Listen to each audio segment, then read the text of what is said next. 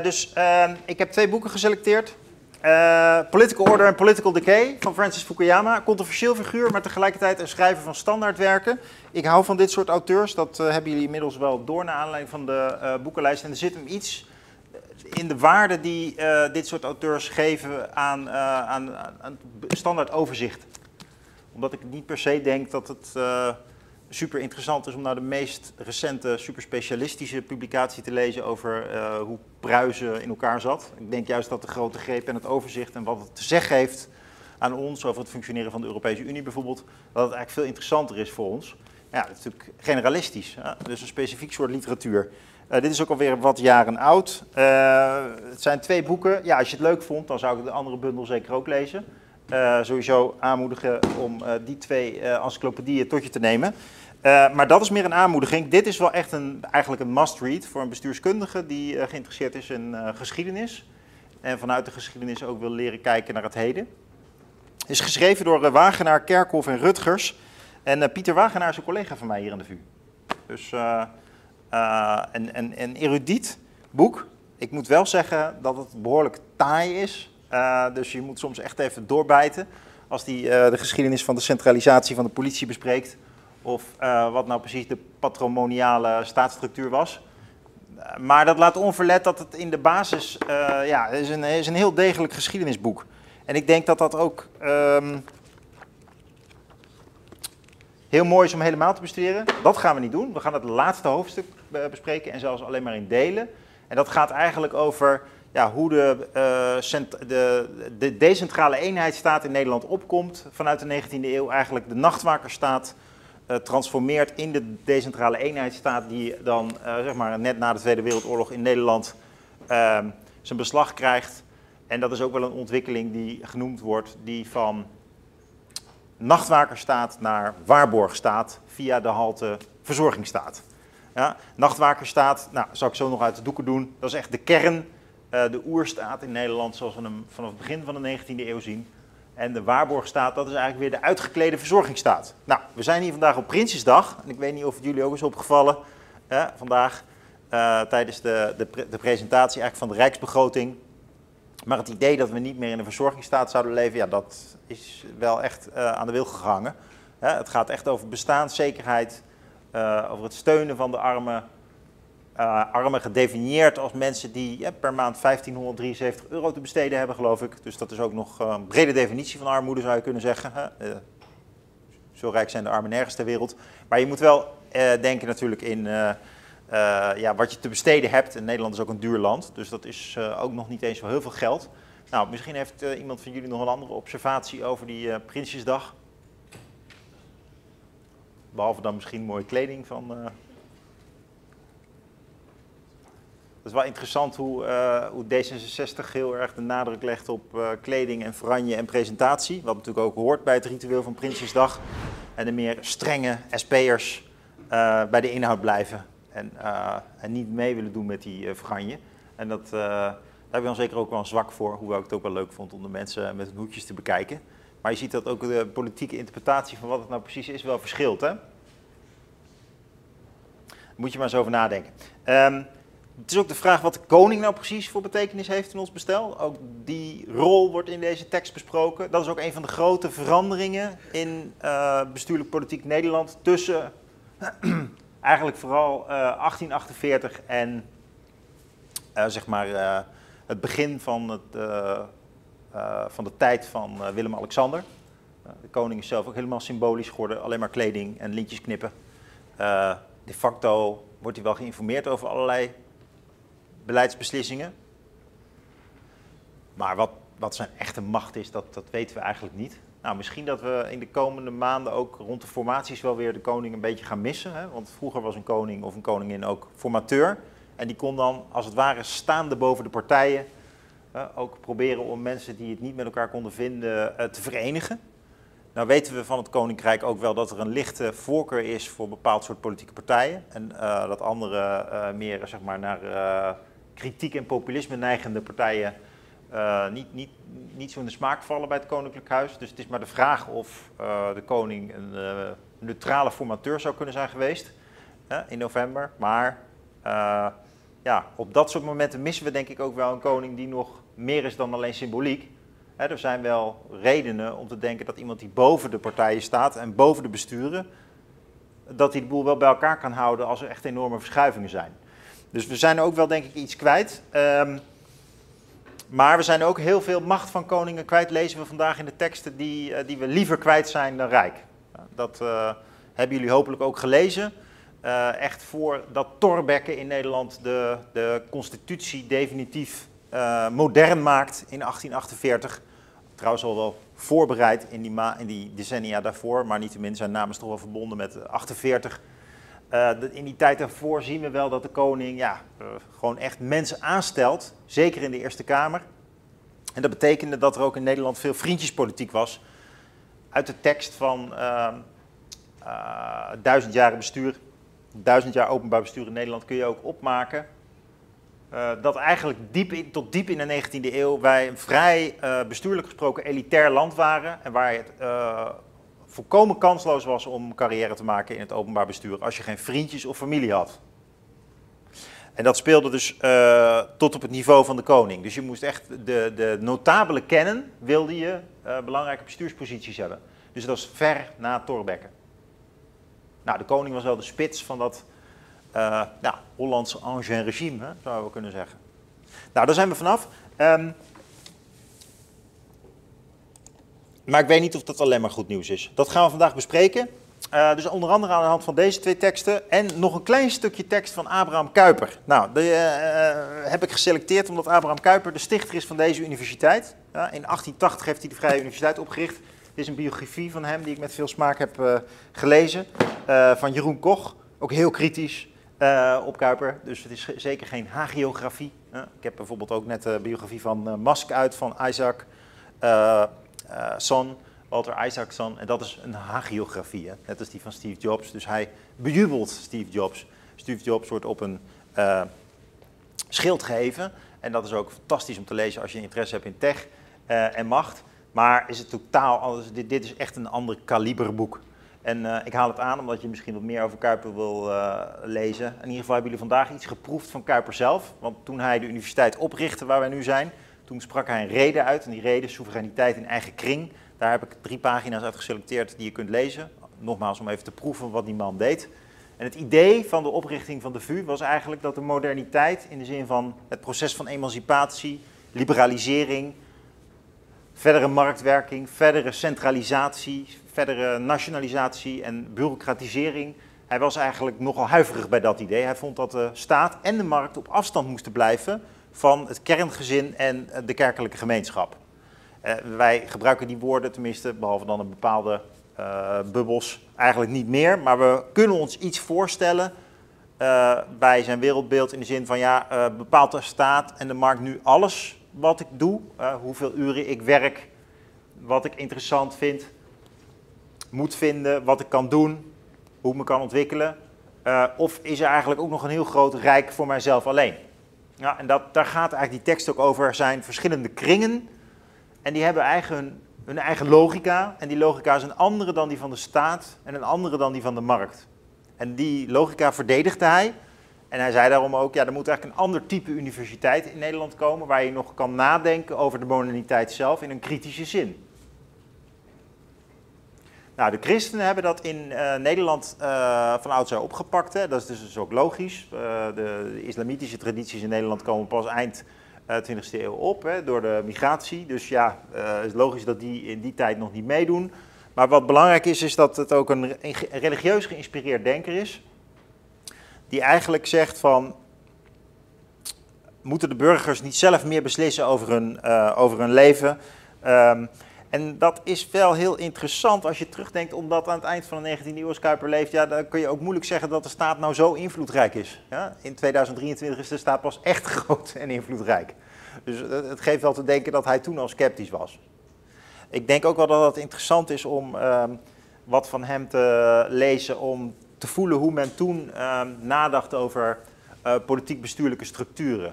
In het katholicisme en in het protestantisme is er een oude uh, oud enthousiasme eigenlijk om dingen te organiseren bij de mensen zelf en minder in abstracte organisaties. Dus vandaar ook de van oudsher wat meer skepsis naar, behalve centralisering, ook federalisering, bijvoorbeeld op niveau van de EU. Terwijl bij de liberalen en de sociaaldemocraten is die sceptisch op een andere manier aanwezig. Hè? Dus de liberalen denken natuurlijk van oudsher, ja bemoei je ook niet met mij, want ik wil mijn eigen leven inrichten. Dus dat is een overeenkomst met hoe de christelijke uh, politici denken. En de sociaaldemocraten die willen eigenlijk uh, een grote staat die, uh, die opkomt voor iedereen en die gelijkheid realiseert. Het interessante is dat die 19e eeuw grosso modo liberaal is. Hè? Dus is een laissez-faire tijdperk waarin notabelen de dienst uitmaken in Nederland, ook in de bestuurlijke regionen.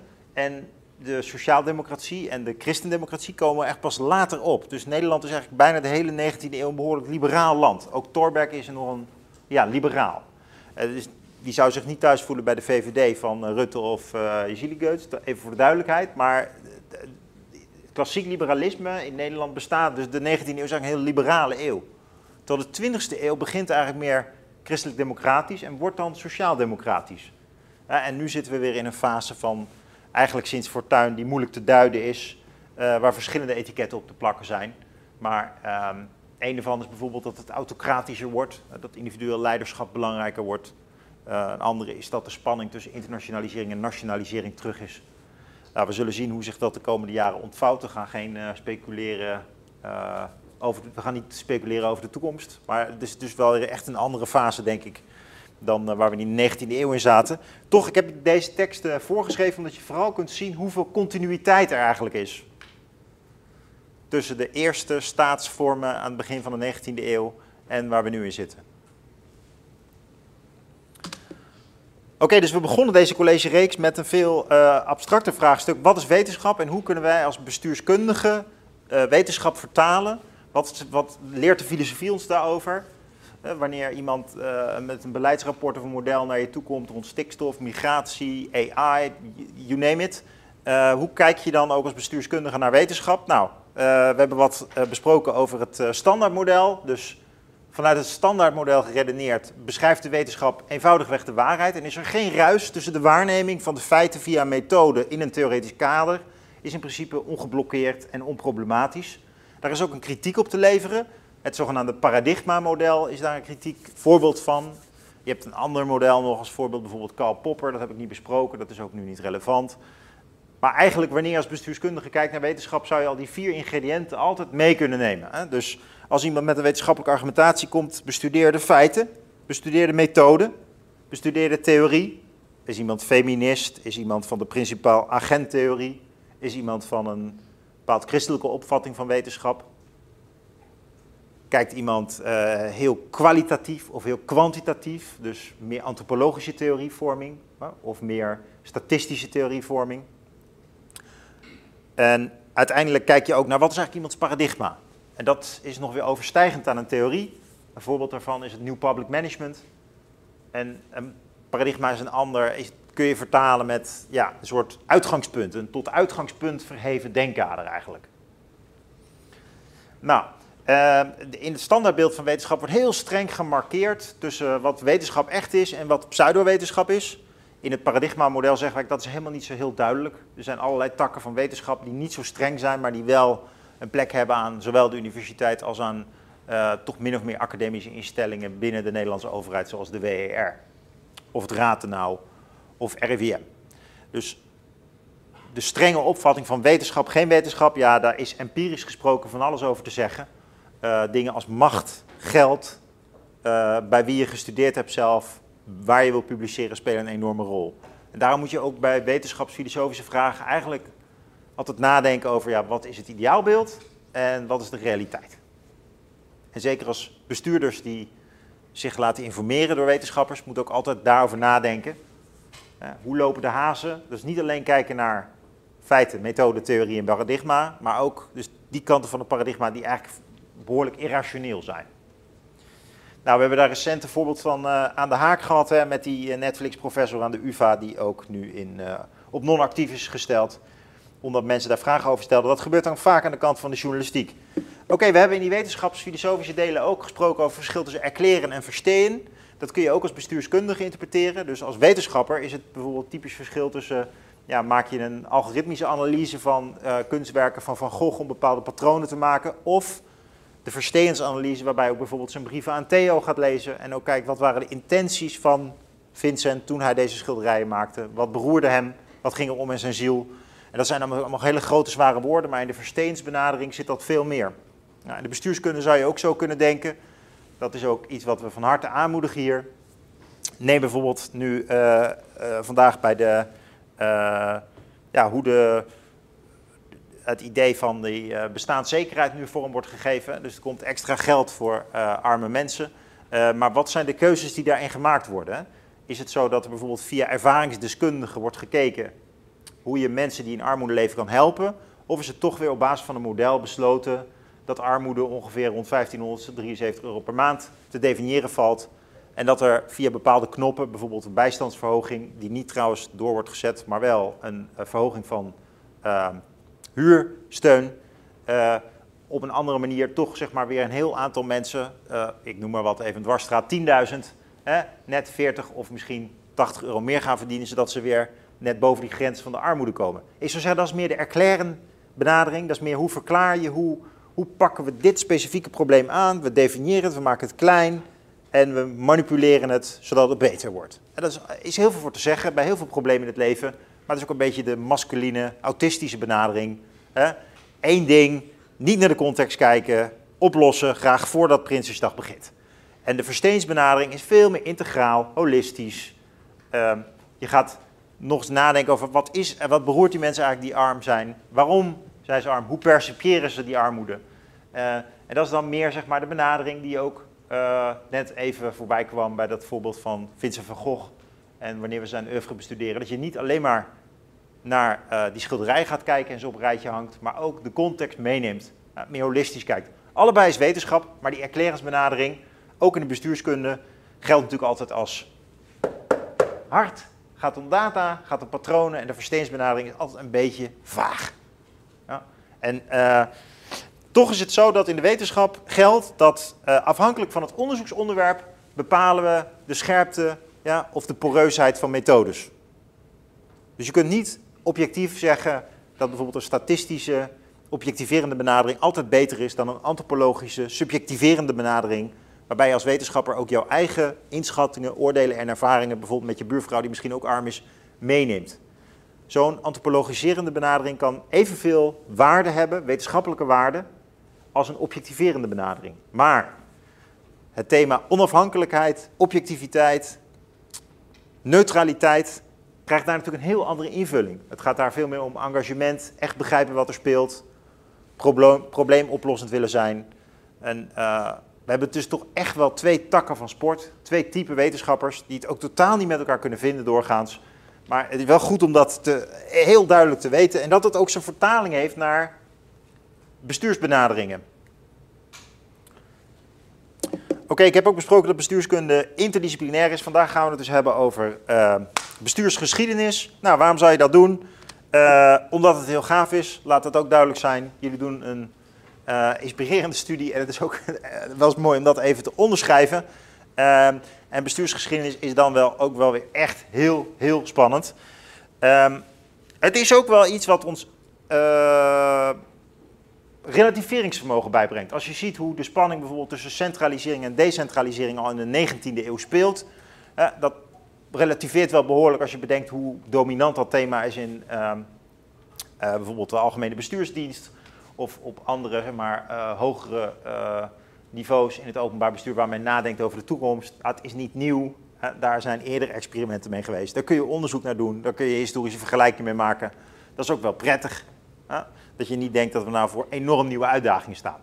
Uh, dus dat is een van de redenen waarom de geschiedenis de moeite van het bestuderen waard is. Omdat je dan wel een beetje gezond verstand uh, leert uh, bijschaven. En dat is bij bestuurders denk ik, ja, dat, dat lijkt wel eens te ontbreken.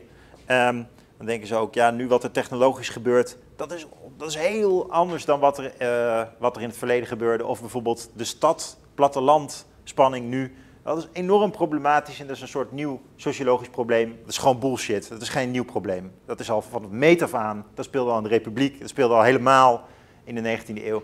Uh, En zeker na de Franse tijd. Dus dat zijn dingen die, die vind ik dingen in perspectief plaatsen. En daarom is het voor mij in ieder geval altijd fascinerend. Nou, wat, wat zeggen die, die auteurs nou over die geschiedenis? In het bijzonder Fukuyama, maar ook voor de invulling van wat de bureaucratie is. onder andere Pieter Wagenaar. Nou, eerst even over een wetenschappelijke methode. Ze zeggen eigenlijk van ja, in de geschiedenis is doorgaans een soort van enthousiasme ontstaan voor het beschrijven van de feiten, de erklärensfilosofie. Dus zeg nou maar gewoon hoe het geweest is en dat is wel mooi. Weet je wel, en misschien had je vroeger op de middelbare school ook zo'n historicus bij het vak geschiedenis. Die vertelde je gewoon, dat was de Franse revolutie, dit was de VOC. Uh, zo is de verzuiling wel of niet een goed etiket om te begrijpen wat er ongeveer tussen 1880 en 1960 in Nederland speelde, enzovoort, enzovoort. En zij zeggen ja, dat is eigenlijk de Leopold van Ranke benadering. Dat is de grote uh, paradigma bepalende historicus geweest die de geschiedenis ja, taai heeft gemaakt, uh, heeft geobjectiveerd, maar ook nogal heeft versaaid. Uh, heeft heel veel waarde gebracht voor het vak, want de geschiedschrijving was natuurlijk ook uh, niet vreemd van zeker idealisme. Nog steeds, tot op de dag van vandaag, zijn we eigenlijk altijd graag bereid, zeker journalisten, om het heden te nemen als maatstaf om het verleden te veroordelen. Ja, dus uh, vooral kijken naar wat er allemaal fout ging in de 17e eeuw. En de schoonheid ervan niet meer kunnen begrijpen. Dingen ook niet meer in perspectief kunnen zien. Uh, over de grachtgordel fietsen en dan denken van dit is allemaal slavernijgeld. dat is die slavernij is natuurlijk een schandvlek voor Nederland. in die zin hebben we ook een ereschuld naar verschillende gebieden. onder andere het Caribisch gebied, Indonesië, uh, de Joodse bevolking. dus het staat buiten kijf. Dat we ook verder uh, alleen maar uh, onderschrijven dat dat belangrijk is. Maar er is wel een soort blikvernauwing in de geschiedenis gaande soms.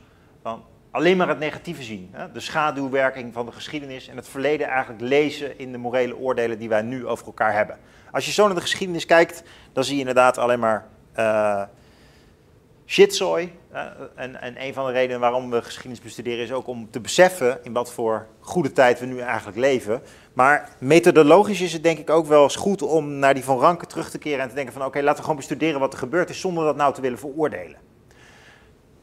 Tegelijkertijd is het natuurlijk altijd spannend om te kijken van wat leert het ons over nu, wat zijn de grand schemes, wat, uh, ja, wat zegt het ons nou wel over dingen als bijvoorbeeld diversiteit. Nou, en die grote greep, die mag ook wel, uh, met een zekere voorzichtigheid. Dat is dus de tweede historische school.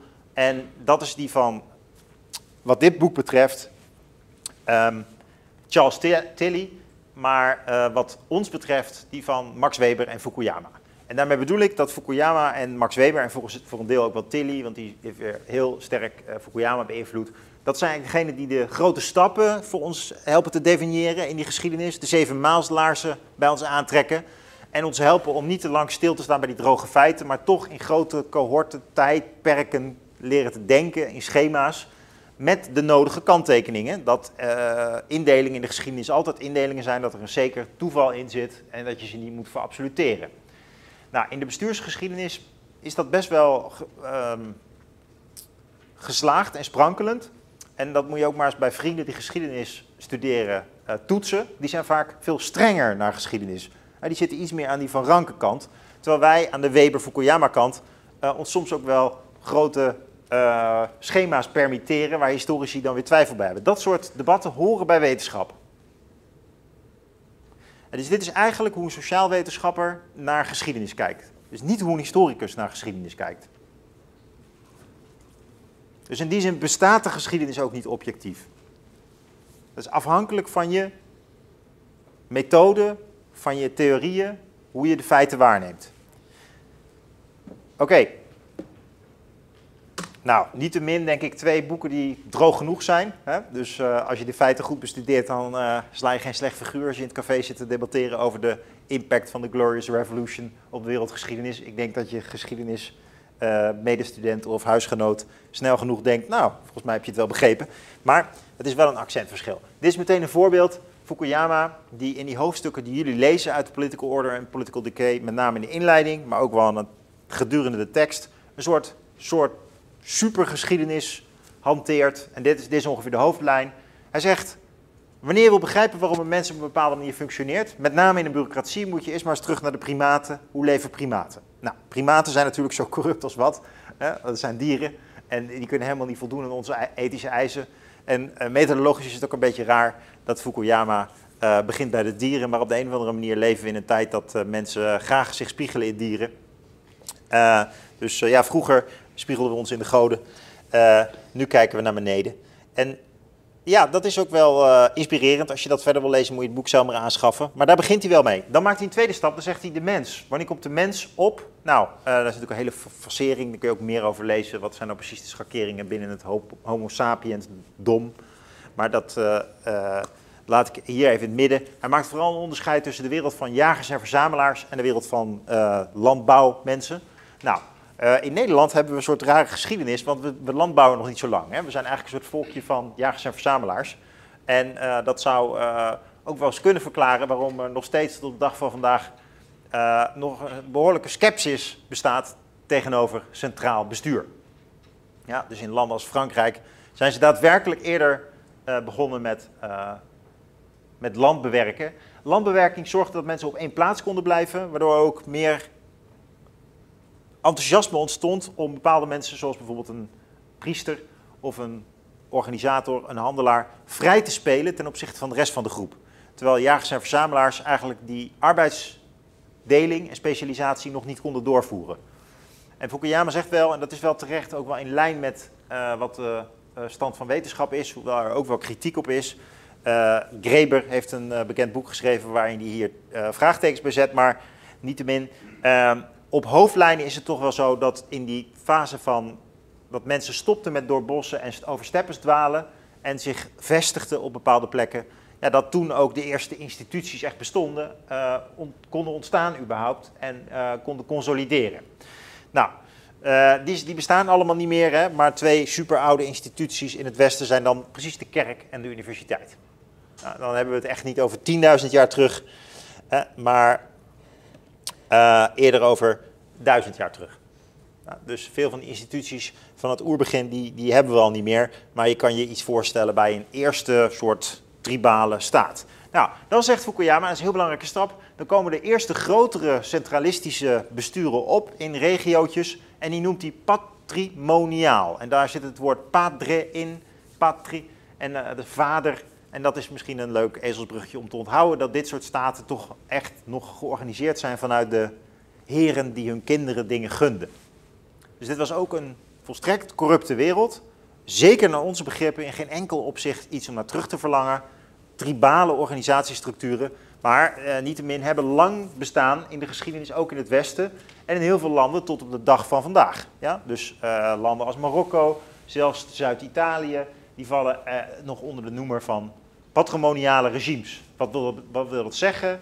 Ja, dat zijn geen moderne professionele bureaucratieën, geen moderne professionele rechtsstaten en uh, halfwerkende democratie. Daar geven wij andere woorden aan, maar in zijn schema heet dat nou uh, patrimonialisme. Je ziet in de geschiedenisboeken ook wel dat men spreekt van feodale macht. Het accent ligt iets anders, maar daar wordt ongeveer hetzelfde mee bedoeld. Dan is er ook een fase van makelaardij. Ja, in Nederland hebben we daar ook een uh, geschiedenis in. Dus dat is de fase die alweer ja, een beetje meer uh, zoals de VOC zelf georganiseerd was. Dat is een soort onderneming met een leger en een politiekorps. En uh, dat leek dus een soort land in een land te zijn. Dus dat was eigenlijk een staat die uh, door allerlei uh, burgergroepen en ondernemingjes werd gedragen en waarin zaken uitgewisseld werden. Dus het was eigenlijk een zwakke staat met, met burgers en ondernemingen die, uh, ja, die al processen van verstatelijking aan het doormaken waren. En dan is er de fase uh, van, van nationalisatie en centralisatie. Daar gaat het boek over van Wagenaar en uh, zijn companen. Althans, een stuk wat wij dan gelezen hebben. En dan hebben we het over de 19e eeuw. Dan wordt eigenlijk het patrimoniale en zeker de makelaardijfase achter, achter ons gelaten. En uh, zien we tekenen van de staat waar we nu nog in leven. Nou, Uiteindelijk wordt die staat eh, uitgebouwd, dus we gaan naar een verzorgingsstaat toe, waarin uh, bijvoorbeeld armenzorg ook belangrijk wordt. En dat is in het begin van, en zelfs in het midden van de 19e eeuw nog helemaal geen politiek uh, of bestuurlijke issue. Toen draaide het natuurlijk vooral om defensie, de politie en, zeer belangrijk, belasting innen.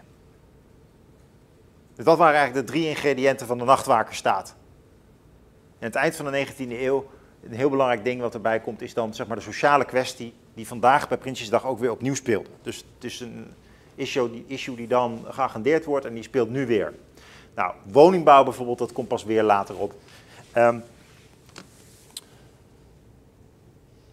in die geschiedenis zie je een spanning tussen uh, convergerende en divergerende krachten. En dat is, dat is ook iets wat blijft. Dus uh, Europa heeft eerdere tijden gekend van veel samenwerkingen. Uh, het Romeinse Rijk. uh, en eerdere tijden van fragmentatie en divergerende krachten en zelfs oorlogen. Dus dat gaat heen en weer, ook in een land zelf. Dus goed om je dat te realiseren. Centralisering en decentralisering, dat lijkt een soort as te zijn waarop je in ieder geval Nederland heel goed kan plotten. Die patrimoniale verhoudingen, uh, die ook nog deels zeg maar, uh, teruggingen op de republiek in de 17e eeuw, die zijn dus niet zozeer centralistisch. Dus Nederland is dan echt een land waar de gewesten, de provinciën het voor het zeggen hebben, tot uh, eind 18e eeuw. En dat, dat is iets wat in de Franse tijd, in de Bataafse tijd, dus tot 1813, als Nederland ook een koninkrijk wordt, 1815, dan, dan die, van die Fransen leren we eigenlijk centraliseren. Dat leggen ze ons ook op. Ik zal er zo nog wat meer over vertellen. Maar dan wordt ook het idee losgelaten dat, dat Nederland bottom-up georganiseerd is. Er is veel kritiek op altijd van niet te veel top-down, ook bottom-up dingen organiseren. Ik zal er in een andere collegereeks in relatie tot beleidsethiek nog uh, ook weer wat dingen over zeggen. Want volgens mij is een mix altijd uh, wenselijk en klopt dat ook historisch gezien wel. Maar het is wel zo dat uh, modernisering van Nederland is een proces vooral van centralisering.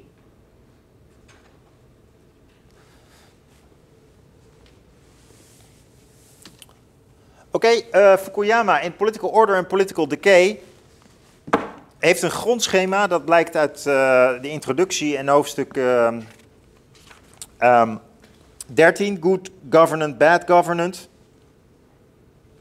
Maar het draagt het hele boek. En daarom is het ook leuk om juist dat hoofdstuk te lezen. Uh, in dat grondschema gaat het eigenlijk over, drie, de, over de trios politica, zou je kunnen zeggen. Maar de, dat kleeft een aantal uh, gedachten en emoties aan uh, waar ik omheen wilde zeilen vandaag. Dus we houden het bij zijn schema. En dat zegt eigenlijk, uh, een moderne staat heeft een democratie en een rechtsstaat. En daar is iedereen het wel over eens. Maar ook een sterke bureaucratie. En dat is een, um, sowieso een, een, contested concept. Een kampbegrip. Sowieso zijn veel mensen over bureaucratie... Is een negatieve term. En zeker liberalen, maar ook christendemocraten denken ook... ja, bureaucratie, uh, hou op. Dat wil ik helemaal niet. Ja, dus, uh, en dit is een pleidooi voor een bureaucratie. Dat is interessant. Fukuyama staat bekend als een wat rechtsere, conservatieve auteur. Die zeker in de tijd van Bush met zijn boek The End of History echt invloed had aan de republikeinse kant van het politieke debat. Nou, dan weet je het wel. Maar dit is eigenlijk een, een heel links boek eigenlijk daarmee. het is natuurlijk juist van oudsher wat links-progressiever om voor een sterke staat te pleiten. Dus nuanceert ook zijn oeuvre wel. En uh, het is een, de, een, degelijke uiteenzetting. Nou goed, daar weten jullie inmiddels wel wat van. Je hebt het bestudeerd. Wat zegt hij dan? Hij zegt eigenlijk die mix van die drie instituties, die maken een staat modern. En die, staat komen, die, die, die staten komen niet zomaar op het punt dat ze ze alle drie hebben. Soms is er een oorlog nodig, pijnlijk genoeg, of een historisch ongeluk. juist bijvoorbeeld de Amerikanen die leerden in de Tweede Wereldoorlog hoe goed samenwerking is. En toen kwamen ze ook tot de ontdekking ja, dat um, een overheid die groot, grootschalig werkt, dat dat best succesvol kan zijn. Dat ontdekten ze in de oorlog. Nederland ontdekte in 1953 dat de waterschappen, uh, verdeeld over honderden, over een eilandenrijk uh, van, uh, van, van 100 organisaties, bottom-up, sterk georganiseerd, teruggaan tot de republiek ja, dat dat misschien niet, ook niet de beste manier was om ja, het landschap in Nederland te organiseren. Daar hadden we ook die vloed voor nodig, zo gezegd. Zo interpreteert Fukuyama dat. Ja, hij zegt ook, not all good things come together. Dus soms is een land zoals Amerika wel democratisch, al in 1776, en rechtsstatelijk oké, zoals hij dat zegt. Oké, het is nog niet al te best naar Duitse begrippen, maar, maar het, is, uh, het duurt dus toch nog na de Tweede Wereldoorlog eigenlijk voordat ze als bureaucratie een beetje op stoom komen. Dus die verhouding, dat ligt historisch gezien ingewikkeld. En er zijn uh, weinig landen die ze alle drie tegelijk krijgen. Nederland zit trouwens wel een beetje in die hoek. Het laat onverlet dat Nederland ook niet uh, als eerste erbij is in de ontwikkeling van zo'n professionele samenhang. Oh ja, nog één ding erover. Het is natuurlijk niet zo dat alles bepaald wordt in de wereld door drie overheidsinstituten. Uh, er is ook nog zoiets als sociale uh, mobiliteit, zegt Fukuyama. Dat is eigenlijk een ander woord voor emancipatie, maar je zou het nog breder kunnen trekken als ja, gewoon maatschappelijke ontwikkelingen. En er zijn economische ontwikkelingen. En dan, dat is een beetje weggemoffeld in het boek, dat is toch wel heel belangrijk, uh, heb je nog ideeën en cultuur ook. Dus dat zijn, die, die, die, die gooi je maar even op één hoop. Voor het gemak kun je ook een hele bibliotheek over schrijven, over dat je ze uitsplitst. Maar toch, het is heel belangrijk om je dat te realiseren. Dat merk je ook in, uh, in het boek zelf, dat hij beschrijft dat bijvoorbeeld Duitsland een heel goede functionerende bureaucratie kon krijgen, omdat het een bepaald soort Calvinistisch ethos had. Nou, daar hebben we in relatie tot uh, Max Weber eerder over gehad. Hè. Die schrijft ook in die protestantische ethiek und der Geist. Er zit iets van een werkobsessie bij die protestanten in. Die gaan niet uh, soldieren, zoals uh, Taylor dat noemt. Maar die, als je ze werk op, opgeeft, dan gaan ze hard werken. Uh, die hebben intrinsieke motivatie om te werken. Dus er zit iets gedisciplineerds, iets integers in die stroming van het christendom. En dat kent zelfs het katholicisme niet op die manier. Dus dat is ook een impact, dat is ook een determinant van staatsgeschiedenis. Dus je hebt de staat zelf die uiteenvalt in drie factoren: bureaucratie, rechtsstaat en democratie. Maar dan heb je ook ideeën en cultuur, bijvoorbeeld protestantisme. En dan heb je ook sociale mobiliteit. Er zijn bijvoorbeeld heel hiërarchische landen. Bijvoorbeeld India is een land dat heel erg vanuit Nederlands perspectief te kampen heeft met klassenstructuren. En metafysische beelden van reïncarnatie die daarbij horen. Speelt ook in uh, uh, Turkije nog een rol. Dus de, de, de uh, bepaalde verwachtingen van wat jouw sociale klasse is. Nou, het is, weer, het is dus ook zo dat dat in Nederland in de 19e eeuw nog een grote rol speelt. Maar inmiddels hebben wij dat op die manier niet meer zo. Moet je maar eens over nadenken. Mensen vinden het doorgaans nog best wel moeilijk om buiten hun uh, bubbel te daten en zo. Maar toch, we hebben niet zo'n uh, amobiele cultuur, denk ik. Hoewel, je kunt je wel afvragen of misschien opleidingsniveau tegenwoordig wel de mobiliteit echt uh, in ieder geval in tweeën deelt. Ja? als je date met iemand die geen universiteit heeft gehad, dan is het al snel downdaten. Ja. ja. ja veel vrouwen kunnen niet anders, want die zijn de meerderheid. En uh, ja, er zijn veel meer vrouwen aan de universiteit dan mannen. Dus ja, we, um, je kunt ook andere keuzes maken in het liefdesleven, dat weet ik ook. Dus uh, misschien ontspring je die uh, klassendans. Maar klassen bestaan dus. En dat is wel uh, belangrijk, ook in zijn argumentatie. Nou, economische groei is ook zoiets. Je hebt natuurlijk landen die zijn wel gemoderniseerd. hij noemt als voorbeelden Italië en Griekenland. Maar die hebben altijd nog moeite met economische groei. Ja, Italië is een beetje een half gelukt voorbeeld. Griekenland is beter gelukt. Uh, hij schrijft er een heel hoofdstuk over. Hij zegt eigenlijk, ja, je kunt wel democratisch zijn, rechtsstatelijk redelijk in orde en een bureaucratie opgetuigd hebben. Maar ja, als je geen economische groei hebt en geen emanciperende klassen die start-ups beginnen, dan, ja, dan heb je een soort van modernization without development, zoals hij dat noemt. Dus dat kan ook nog. Dus er zijn in dit schema verschillende mogelijkheden. En de, de tentamenvraag wordt natuurlijk plot Nederland op dit schema. Nou, daar zal ik jullie genoeg munitie voor geven, hoe ik de vraag uh, niet echt zal beantwoorden. Dat is het idee. Dat mogen jullie dan doen. Oké, uh, dus Nederland begint als nachtwakerstaat als het eenmaal dat patrimoniale achter zich laat. Ja? En wat is dat dan? Nou, uh, een staat die de nadruk legt op politie en defensie en belasting innen. Andere dingen, zoals burgerschap, ja, je bent allerlei dingen verplicht. Heb je ook rechten? Nou, met zeer beperkte mate. Dus dat schrijven ze in dat hoofdstuk ook aan het eind van de 19e eeuw. Staat in de grondwet weliswaar dat de overheid allerlei zorgverplichtingen heeft voor de armoede, maar de facto wordt dat niet vertaald naar concrete rechten. Dus op het niveau van het ideaal is er wel iets als burgerschap. In de praktijk is de staat heel minimaal georganiseerd. Nou, in de loop van de 19e eeuw neemt het dan wel meer toe. Waar ontwikkelt het zich dan heen? Nou, naar het ideaaltype van Weber. Daar begint Fukuyama ook mee. Dat geeft ook aan van, sommige mensen vroegen zich af van, heb ik niet weer een oude dode witte man opgegeven omdat ik bevooroordeeld ben? Maar het hele boek is uh, doorspekt met Weber. Hè? Dus de eerste zin van het eerste hoofdstuk al meteen bam. Dus dan zie je hoe invloedrijk die vent is.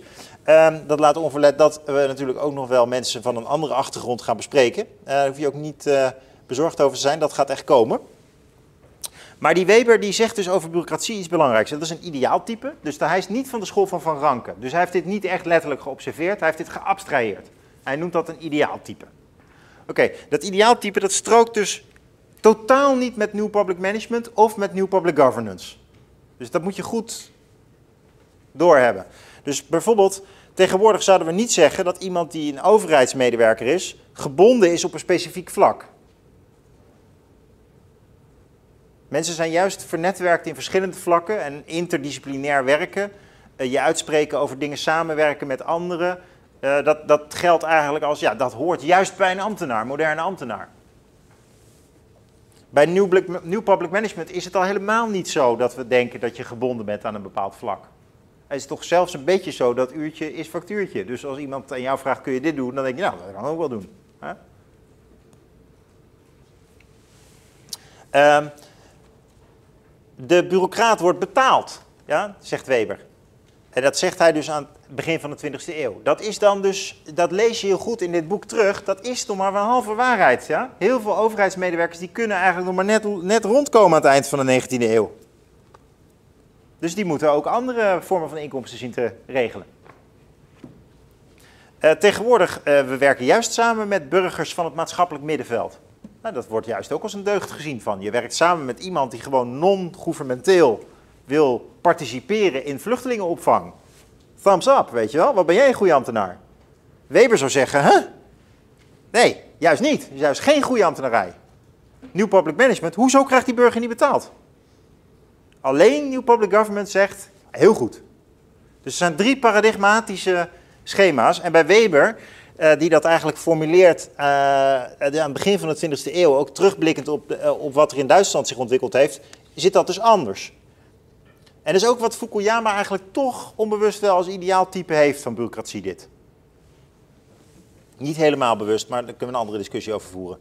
Um, nou, zo kun je eigenlijk al die aspecten aflopen en daar wel kanttekeningen bij plaatsen. Bij Weber zie je, en dit is dacht ik pagina 53 van het boek van Weber, dit gaat over um, politiek. Dus we hebben samen de tekst wetenschap als beroep gelezen. Maar er is nog een tekst, wetenschap politiek, die gaan we niet lezen. Dat, dat zal ik jullie niet aandoen, hoewel het een prachtige tekst is. Maar er zit wel één kleine passage in, ik dacht die draag ik even voor. En dan kan je goed zien wat Weber onder het verschil tussen politiek en bureaucratie verstaat. En dat is um, ook weer op een bepaalde manier ideaaltypisch. Zo zien wij het nu ook weer niet. Maar het is wel belangrijk om dat als schabloon te begrijpen. Nou, hij zegt de echte ambtenaar, en dat is beslissend voor het, voor het oordeel over ons vroegere regime, moet gezien zijn eigenlijke beroep geen politiek bedrijven, maar besturen. Dat vooral zeggen onpartijdig besturen. Dat geldt ook voor de politieke bestuursambtenaren, althans officieel, voor zover niet de staatsraison, dat wil zeggen de levensbelangen van de gevestigde orde, ter discussie staat. Sine ira et studio, zonder woede en partijdigheid. Dat is iets voor de politici. Je mag best boos worden, Savannah, dat mag. Of Thierry, maar niet de, niet, niet de ambtenaren. De SG en de DG, rustig blijven, niet op de radio, organiseren. Dat is zijn ideaal. Hij moet dus juist niet doen wat de politicus, zowel in de gedaante van de leider als in die van de aanhang, altijd en onvermijdelijk moet doen. Namelijk strijd leveren. Want partij kiezen, strijd hartstocht, ira het studium, dat alles vormt het element van de politicus en vooral van de politieke leader, leider. Diensthandelen staat onder een principe van verantwoording dat tegengesteld is aan dat van de ambtenaar. Ander woord voor bureaucraat. De eer van de ambtenaar, en nou let op, dit is heel belangrijk.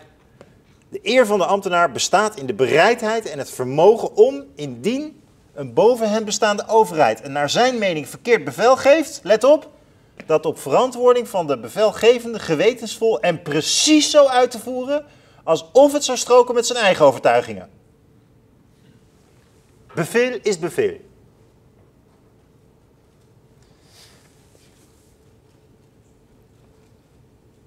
Nou, dat is het Weberiaanse paradigma. Nou is er een uh, code goed bestuur in Nederland en ik kwam daarop, oh ik kende hem wel, maar ik vond deze leuke analyse van uh, Wim Voermans in Het Land moet bestuurd worden. Mooi boek, kan ik zeker aanraden om uh, naast dit vak te lezen, graag na het tentamen. Ja, want anders ga je veel te veel bestuderen, je moet natuurlijk eerst maar de kern doorgronden. En hij bespreekt de code integriteit en hij doet dat en dan merk je ook iets van een soort Weberiaans enthousiasme bij de codeschrijvers. En dat zit hem erin, bepleit Voermans, dat deze code vol zit van een logica waaruit blijkt dat het bestuur eigenlijk in zichzelf draait. Dus het bestuur kan gewoon integer zijn in zichzelf, gewoon endogaan. Exogaan, dat heeft, daar heeft eh, niks mee te maken. Het gaat erom dat het in zichzelf integer georganiseerd kan zijn. Het bestuur leert van fouten. Het neemt alleen goede beslissingen. Het bestuur maakt de doelen van de organisatie bekend. Het bestuur weet wat er leeft in de samenleving. Het bestuur luistert naar vragen en ideeën van burgers bij ontwerpen die hen aangaan. Dit is de Nederlandse code voor goed openbaar bestuur. Nou, wat valt op? Misschien uh, is er iets uh, wat jullie al opvalt.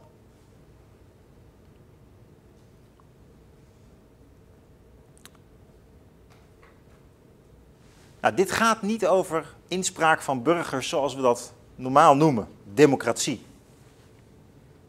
Er is een code van openbaar bestuur die geen rekening houdt met het gegeven dat we in een democratie leven. Dat is de voermanskritiek, die hij overigens zelf ook weer mede uitbouwt aan de hand van het werk van Ruud Kolen. En dat is iemand die tot vorig jaar in de Eerste Kamer zat voor de PvdA. En dat is echt een interessant politicoloog voor bestuurskundigen. Maar hij is een leuke, goede vertaler, Wim Voermans. Bovendien veel frisser denken in de zin van hij haalt echt dus de, de, de flits je doorheen zo'n boek. Maar het leuke is dat hij dus ook zegt van ja, die bestuurskundigen die zijn gewoon heel erg geneigd om te zeggen ja, die bureaucratie gaan we helemaal fine-tunen. Niet meer helemaal Weberiaans, maar wel ongeveer Weberiaans. En um, Weber zelf die heeft altijd nog het besef van ja, maar er is een politieke omzoming. Die bepaalt. De ambtenaar werkt, moet wel uitvoeren wat de politicus zegt. En dat is tussen haakjes komen te staan tegenwoordig. En dat wordt ook wel uh, de hypothese van de vierde macht genoemd. De vierde macht, dat is eigenlijk dus de trias politica, de drie machten. Nou, hè, we uh, hebben dat een beetje geherdefinieerd. Maar de vierde macht, dat is eigenlijk de overheid die gaat zeggen tegen de andere machten wat er belangrijk is. Dus de gedepolitiseerde staat.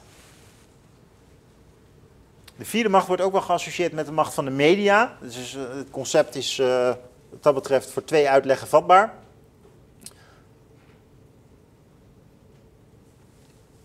Nou, oké, we hebben wat gezegd over bureaucratie in de Weberiaanse zin, New Public Management zin en de zin van uh, Public Governance. Dat gaat meer om netwerken, om samenwerken, om maatschappelijk middenveld, om marktinvloeden niet te groot maken, maar wel veel groter dan bij Weber. En we hebben nu uh, deze governance code even besproken, ook om dus die logica van besturen beter te begrijpen. Nu nog even naar die uh, democratie zelf toe. Democratie, ja, dat, is een, dat leer je ook uit deze tekst. Dat is een moeilijk historisch iets. Je kan moeilijk zeggen van, ja, uh, geschiedenis van de democratie, uh, dat is ingewikkeld, want democratie betekent steeds iets anders. In het oude Athene hadden ze al een democratie. Het betekent natuurlijk letterlijk demos, het volk, kratijn, kratie, macht. Macht van het volk. Maar wat is het volk? Vroeger was het zo dat de notabelen bepaalden uh, hoe de wereld in elkaar zat.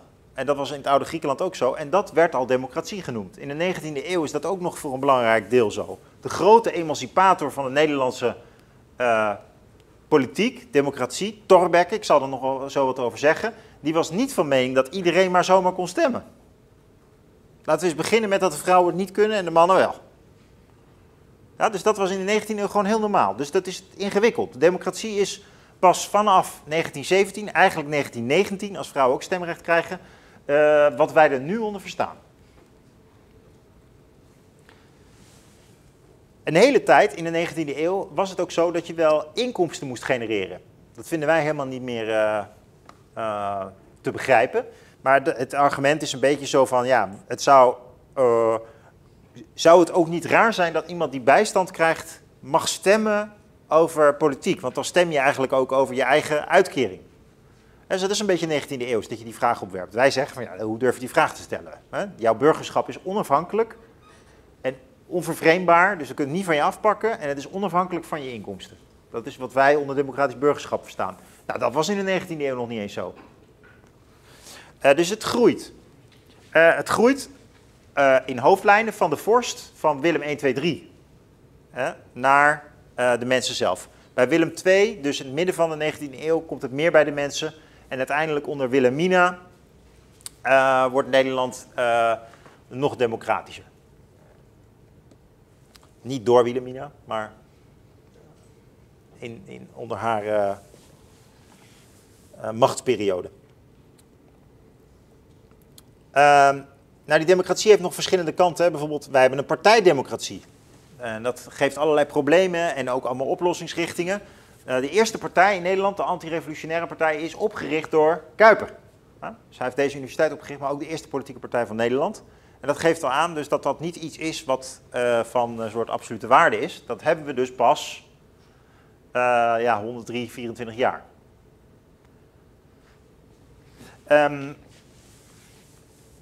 er is toch wel zoiets voor te zeggen dat democratie in Nederland hele oude papieren heeft.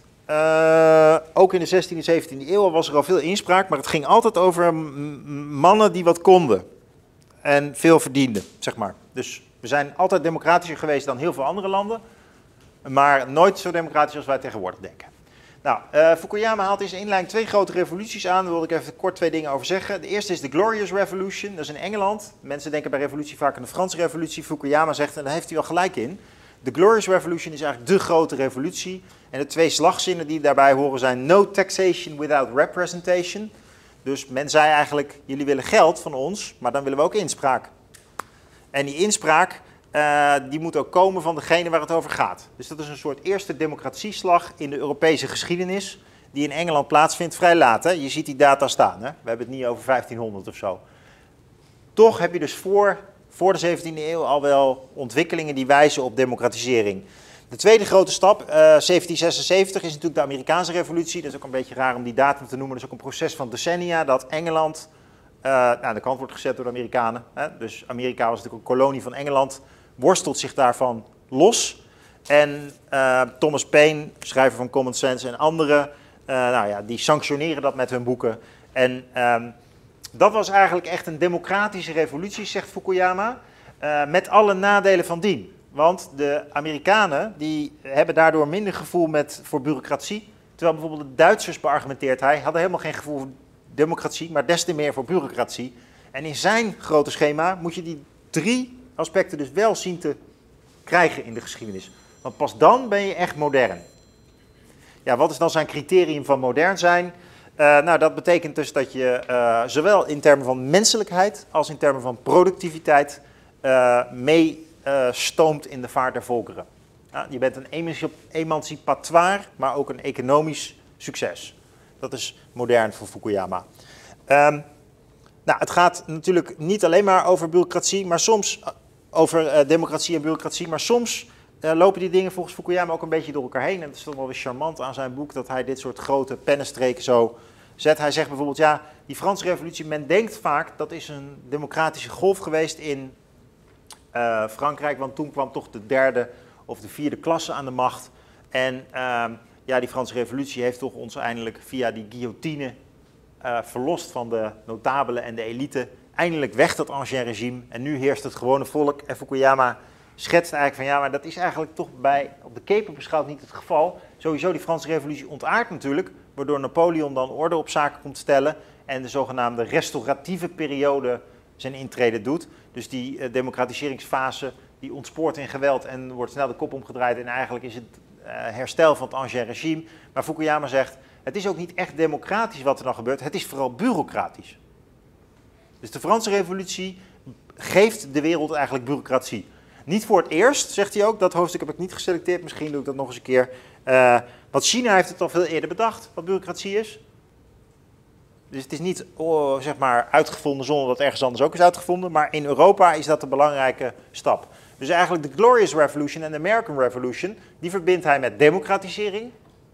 En de Franse Revolutie uitdrukkelijk niet. Nou, wel een prikkelende hypothese. Nou, behalve die bureaucratie en die democratie heb je natuurlijk ook de rechtsstaat. Die is vaak genoeg op televisie en die weten jullie ook wel als bestuurskundige te benoemen. Maar ik dacht, noem toch even een paar dingetjes op erover. Hij zegt, ja, het is interessant dat heel veel landen, bijvoorbeeld China, uh, ook India, moeite hebben met rechtsstatelijke ontwikkeling. En dat heeft kennelijk iets te maken, vindt hij, met, uh, met het christendom. Uh, meer in het algemeen met uh, monotheïstische religies. Dus misschien is er in die zin nog hoop voor de meer uh, islamitische landen. Maar hij verbindt dus wel een soort van spirituele achtergrond ook met de opkomst van rechtsstaten. Uh, waarvoor zijn ze dan wel belangrijk? Nou, hij begint niet direct over menselijke waardigheid, maar vooral ook over economische zekerheid. En dat is natuurlijk ook heel logisch. Hè? Het recht, het eerste recht wat er is, gaat natuurlijk over die stoel is van jou, die is van mij. Uh, en je mag hem niet zomaar van me afpakken. Nou, dus eigendomsverhoudingen zijn natuurlijk het begin van van waar het recht over gaat. En vervolgens abstraheer je dan. Maar bezit is erg belangrijk. Dus die economische groei, die kan juist ook ontstaan in landen waar die rechtsstatelijke zekerheid bestaat. Nou, als je dan aan patrimoniale regimes in 2023 denkt, bijvoorbeeld uh,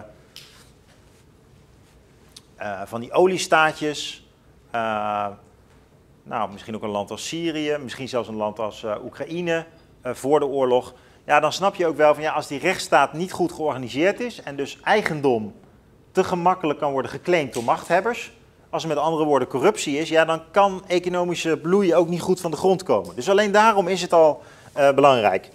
Nou, het komt dus uiteindelijk in Nederland en je zou kunnen zeggen ook Duitsland, ik zal zo uitleggen hoe, Vooral binnen via Frankrijk. Dus Frankrijk uh, zet de eerste stappen in de professionele codificatie van het burgerlijk leven. En de Nederlanders en de Duitsers nemen dat over. Nou, uh, waarom uh, zal ik zo meteen uitleggen. Dat heeft alles te maken met de slag bij Jena. Die zijn in 1806 winnen van de Duitsers. En natuurlijk ook in diezelfde tijd dat de Nederlanders onder het juk van de Fransen leven. we hebben een Franse periode gehad eind 18e eeuw tot uh, zeg maar, uh, de eerste koning. En uh, dus wij hebben ook uh, ja, een flinke klap van de molen van de Fransen meegekregen. En daarom, juist daarom is er ook een directe invloed, een directe causaliteit tussen hoe die Fransen hun burgerlijk wetboek hebben gemaakt en hoe wij leven. Dat kun je bijvoorbeeld zien in dat wij ook dan in die Franse tijd beginnen met het noteren van achternamen, straatnamen, huisnummers, uh, bevolkingstellingen. Dat zijn allemaal dingen die Nederlanders dan nog niet bedacht hebben. En dat is wel interessant dat wij in de 17e eeuw dus eigenlijk een van de roemrijke gebieden in de wereld waren. Nogmaals ook met een enorm foute kant. Uh, geen relativering daarvan. Uh, dus de schaduw die wij wierpen met onze VOC-schepen en, en trouwens ook West-Indische Compagnie schepen is verschrikkelijk wat je toch ziet is dat het heel raar is dat zeg maar, als wij in de 16e en 17e eeuw zo'n belangrijk uh, machtsplek zijn in de wereld, met veel economische bloei en relatief al proto-vormen van democratie, dat wij in de 18e eeuw helemaal wegzakken.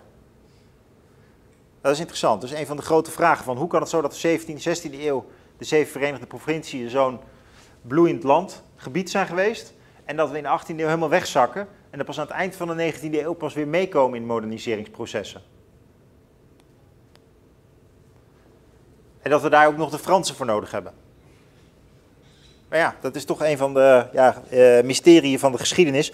Uh, sommige mensen, zoals Geert Mak, die kennen jullie wel, die uh, heeft de hypothese dat we gewoon aan corruptie ten onder zijn gegaan.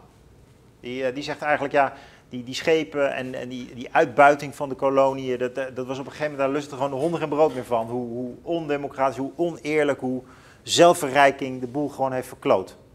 Dus die, die zegt eigenlijk, we zijn echt ten onder gegaan aan gebrek aan moraal. Nou, ik las in ieder geval een artikel waarin dat met verven verdedigde. En ik dacht, nou ja, de voorbeelden waren wel vrij goed. En eh, je zou ook kunnen zeggen dat eh, in grote, eh, grote lijnen eigenlijk vanaf de pruikentijd de boel ook flink instort met die schepen en de koloniën. Ja, dat is ook wel een soort vervalsgeschiedenis. Maar goed, daar kun je hele bibliotheek over lezen. Ik associeer nu een beetje. Ehm, het ging me er meer om, ja, geschiedenis is ook een soort zigzag. Uh, soms ben je heel modern en je kan ook weer wegvallen.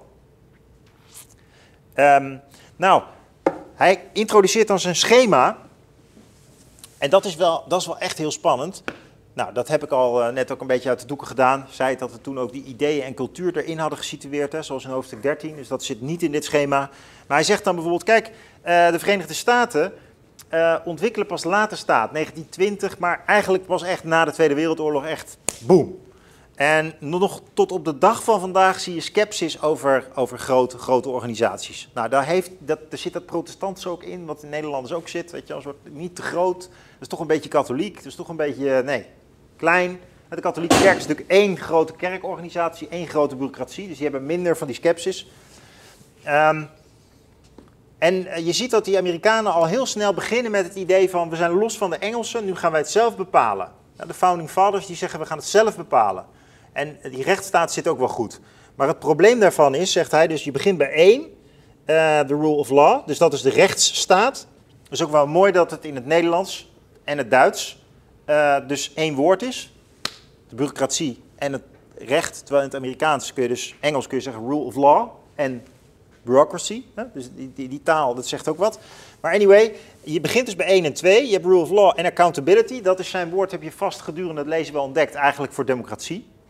Accountability betekent zoiets als to take account for, to account for, to...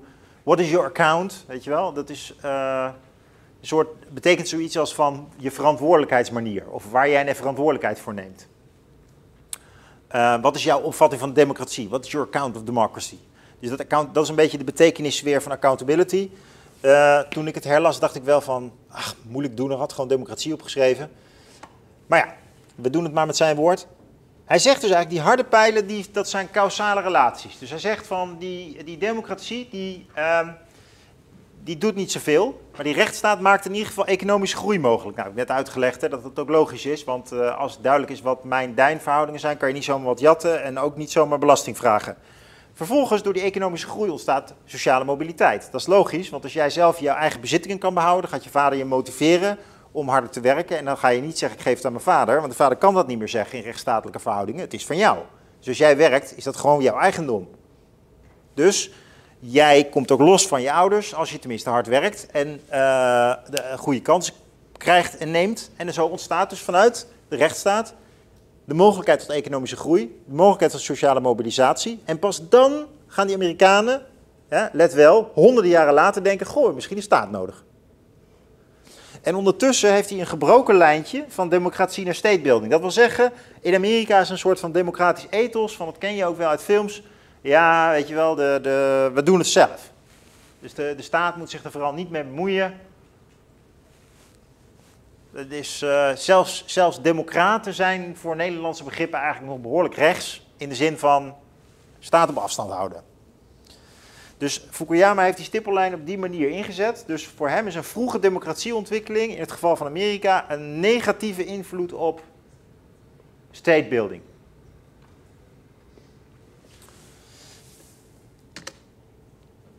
Bij Pruisen en de Duitsers is het eigenlijk andersom.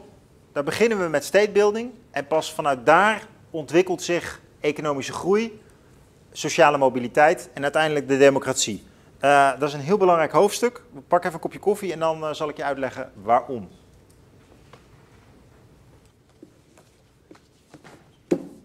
Waarom is Pruisen nou zo'n succes? Nou, de, de, ik zoek even mijn bril, maar ben ik blijk, blijkbaar ergens dan doe ik het maar wat impressionistischere tweede deel. um, um, het eerste is, en dat, haalt hij zelf ook aan, dat hij zegt, ja kijk, um, Duitsland was eigenlijk pas, pas, vanaf de Tweede Wereldoorlog was Duitsland echt een democratie. En dat is dus eigenlijk slecht nieuws, want ze zijn natuurlijk vernietigd in de Tweede Wereldoorlog hè, door de geallieerden en de Russen. En uh, die vernietiging heeft dus ook wel wat goeds gebracht, kun je zeggen. Uh, maar wat was het dan daarvoor? Nou, hij vergelijkt het met een soort Singapore. Dat is wel interessant. Dus met een Chinese stadstaat als Hongkong. Uh, dan zegt hij op pagina 67: Germany, in other words, developed both a strong state and rule of law early on, well before it developed accountable government. The reason it was able to do so was that the Prussian state, that was the precursor of modern Germany, dus de Pruisen voordat uh, Duitsland Duitsland werd. Uh, Duitsland wordt eigenlijk in 1871 uh, Duitsland en pas echt in de Weimar Republiek, nou ja, Duitsland zoals we het nu kennen. En toen kwam dus nog die Tweede Wereldoorlog overheen. Dus eigenlijk pas vanaf 1948. maar toch, zigzaggend. dus voordat modern Duitsland ontstond, uiteindelijk in 1948, engaged in a series of life and death military struggles with its neighbors over an extended period of time, just like the Queen state that unified China in 221 before Christ. Dus Duitsland was niet het eerste land dat een sterke bureaucratie had. Een bepaalde dynastie in uh, China. En tot op de dag van vandaag is dat zo. Kleine anekdote, als je in Amerika uh, in China afstudeert, op de middelbare school of op een universiteit, en je doet dat op traditioneel Chinese manier, is dat echt heel heftig. Je wordt opgesloten in een soort van complete aanpak. Je moet allerlei teksten volledig uit je hoofd kennen. Uh, de meritocratie in China is op dat bureaucratisch niveau echt heel sterk. En uh, als je ook kijkt bijvoorbeeld naar de beheersing van pak een beet, zeg maar, uh, met de viool Beethoven kunnen spelen, zal je veel meer Chinese muzici vinden dan westerse. En dat zegt iets over, dus over hun vakmanschap, zeg maar. En de hoge eisen die zij stellen maar meer op het niveau van bureaucratie. Want tegelijkertijd weten we dat je in China van alles niet kan googlen.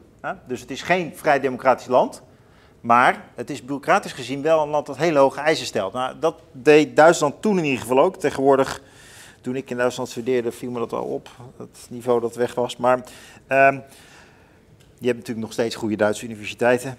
Uh, War, as we saw in volume 1, creates incentives for efficient meritocratic government that ordinary economic activity does not and therefore is one important path to state modernity. Zij zegt, juist oorlog, bij uitstek oorlog, kan een modern land maken. Dat wil zeggen een meritocratisch land. En meritocratie betekent voor hem zoiets als... En de positieve betekenis dat een land georganiseerd is uh, op basis van talent en ervaring. Dus geen voorkeursbeleid. Alleen talent en ervaring.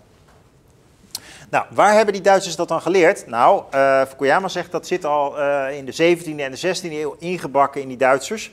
Maar de Fransen waren er veel beter in. En al het ancien regime uh, kantelt, zeker onder Louis XIV ook nog zichtbaar. die man die zei van, l'état c'est moi. Dus dat betekent zoiets als, ik ben echt de patrimoniaal bij uitstek, namelijk ik, de, de, de, de padre, de staat, dat ben ik. Ik beslis alles. Dus die, die Louis XIV, die had ook, nou je bent vast wel eens op dat slot van hem geweest en dan, uh, zo niet kan ik je dat nog een keer aanraden als vakantietripje. Dan zie je echt dat het hele leven ook qua architectuur vanuit zijn heerschappij georganiseerd werd. Frankrijk is een heel strikt land. Ik heb me laten vertellen dat tot op de dag van vandaag het duidelijk is op het ministerie wat leerlingen op HAVO 2 op maandagochtend om 10 uur doen. Dus er is een strikt controleregime, top-down. Frankrijk is dat meer.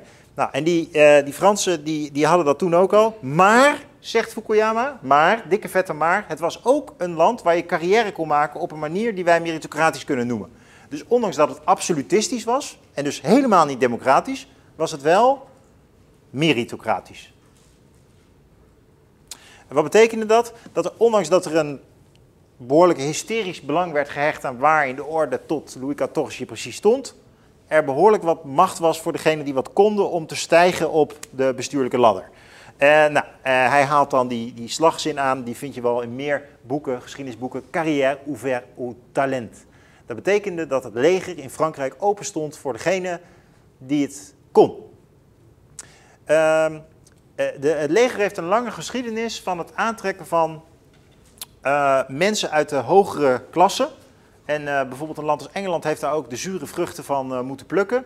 Dus toen de Eerste Wereldoorlog begon, heeft, heeft Engeland al ongeveer zijn hele elite over de klink gejaagd. Dat waren allemaal mannen van 19 die allemaal een hele grote mond hadden en een sense of class. En die wilden wel gaan vechten en prikken.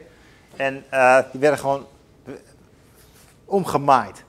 Die waren namelijk niet, eh, dat waren geen leiders, dat waren mensen van goede kom af. Die hadden het juiste bloed in de aderen stromen. Ja, die werden natuurlijk direct doodgeschoten door de Europeanen die wel wat konden.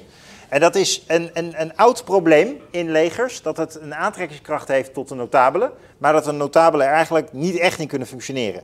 En dat uh, zie je dus, die Fransen die hadden het al goed door.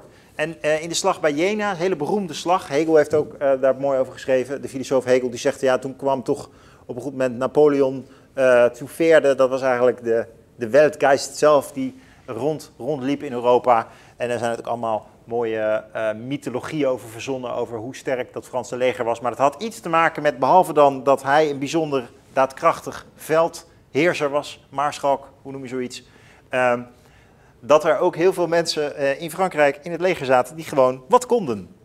Ja? En de Duitsers die hingen nog een beetje in dat zeg maar, Engelse model. Dus die, die, die, konden de strijd niet winnen. Dus die, die, die Duitsers waren wel slim genoeg om toen conclusies te trekken. Uh, aan het begin van de 19e eeuw. En die waren bikkelhard. Die hadden implicaties voor wat er op universiteiten gebeurde. Hoe hoge eisen er werden gesteld. En wie er het voor het zeggen had in het leger. Uh, dus die meritocratie, die carrière ouvert au talent, die werd gegermaniseerd. En dat heeft de rest van de wereld geweten, helaas. Um, Duitsland is een, zoals hij zelf zegt hier, op een goed moment een, um, veranderd van een land met een leger in een army with a country. Dus het Duitse leger uh, ontwikkelt zich in de 19e eeuw vanuit een soort inspiratie uh, van de ondergang in uh, 1806 in een, in een ja, in een, ja, wat zal ik zeggen? in een oorlogsmachinerie. En die oorlogsmachinerie die, uh, blijft dus bestaan tot en met de Eerste en de Tweede Wereldoorlog. En uh, ja, voor de duidelijkheid, daar, uh, het, het, heeft ook maar echt, het, ja, het heeft ook maar weinig gescheeld, zeg maar. Zelfs de Tweede Wereldoorlog hadden ze misschien wel kunnen winnen. Dus dat is echt een hele sterke machinerie geweest. En die gaat ook samen met een soort spiritualiteit weer van, um, van krijgskunde, Calvinisme, kapitalisme, waardoor die Duitsers ook op een goed moment ja, eigenlijk on, onverslaanbaar waren. Daar, daar hoort ook een beroemde doctrine van organise organiseren bij. Die staat eigenlijk uh, haaks op die van uh, Taylor. En dat is die van uh, versus bevel. En die staat ook wel weer een beetje op gespannen voet met wat Weber zegt. Daar kun je ook wel weer een mooie paradox in zien. Dat het Duitse leger op een goed moment zo georganiseerd was aan het eind van de 19e eeuw, zeker als het Frankrijk bijna van de kaart veegt in 1870, 71, dat de Duitse gevechtseenheden uh, helemaal zeg maar, autonoom opereerden. Dus die, die, die, die hoorden wel van bovenaf wat er moest gebeuren, maar die interpreteerden verder zelf de situatie. Die hadden veel discretionaire ruimte, terwijl de Fransen die waren wel weliswaar gericht op het talent naar boven krijgen, maar dat bleef een centralistische oorlogsmachine, terwijl die Duitsers dus ook dat van onderop erin hadden ontwikkeld. Dat wordt geassocieerd met de krijgskunde van Van Moltke. En die is tot de dag van vandaag uh, ja, uh, zeer invloedrijk in managementtheorie. En uh, zeer het googelen waard trouwens. Ehm, maar ja, is ook iemand die natuurlijk wel in de kwade reuk van de oorlogen staat. Hè? Dat mag ook duidelijk zijn, want de Duitsers waren dus zo goed dat ze heel wat volkeren vernietigd hebben. Waarom is het dan wel belangrijk om te bespreken? Nou, omdat die oorlogsstaat, die heeft de staat zelf heel sterk gemaakt.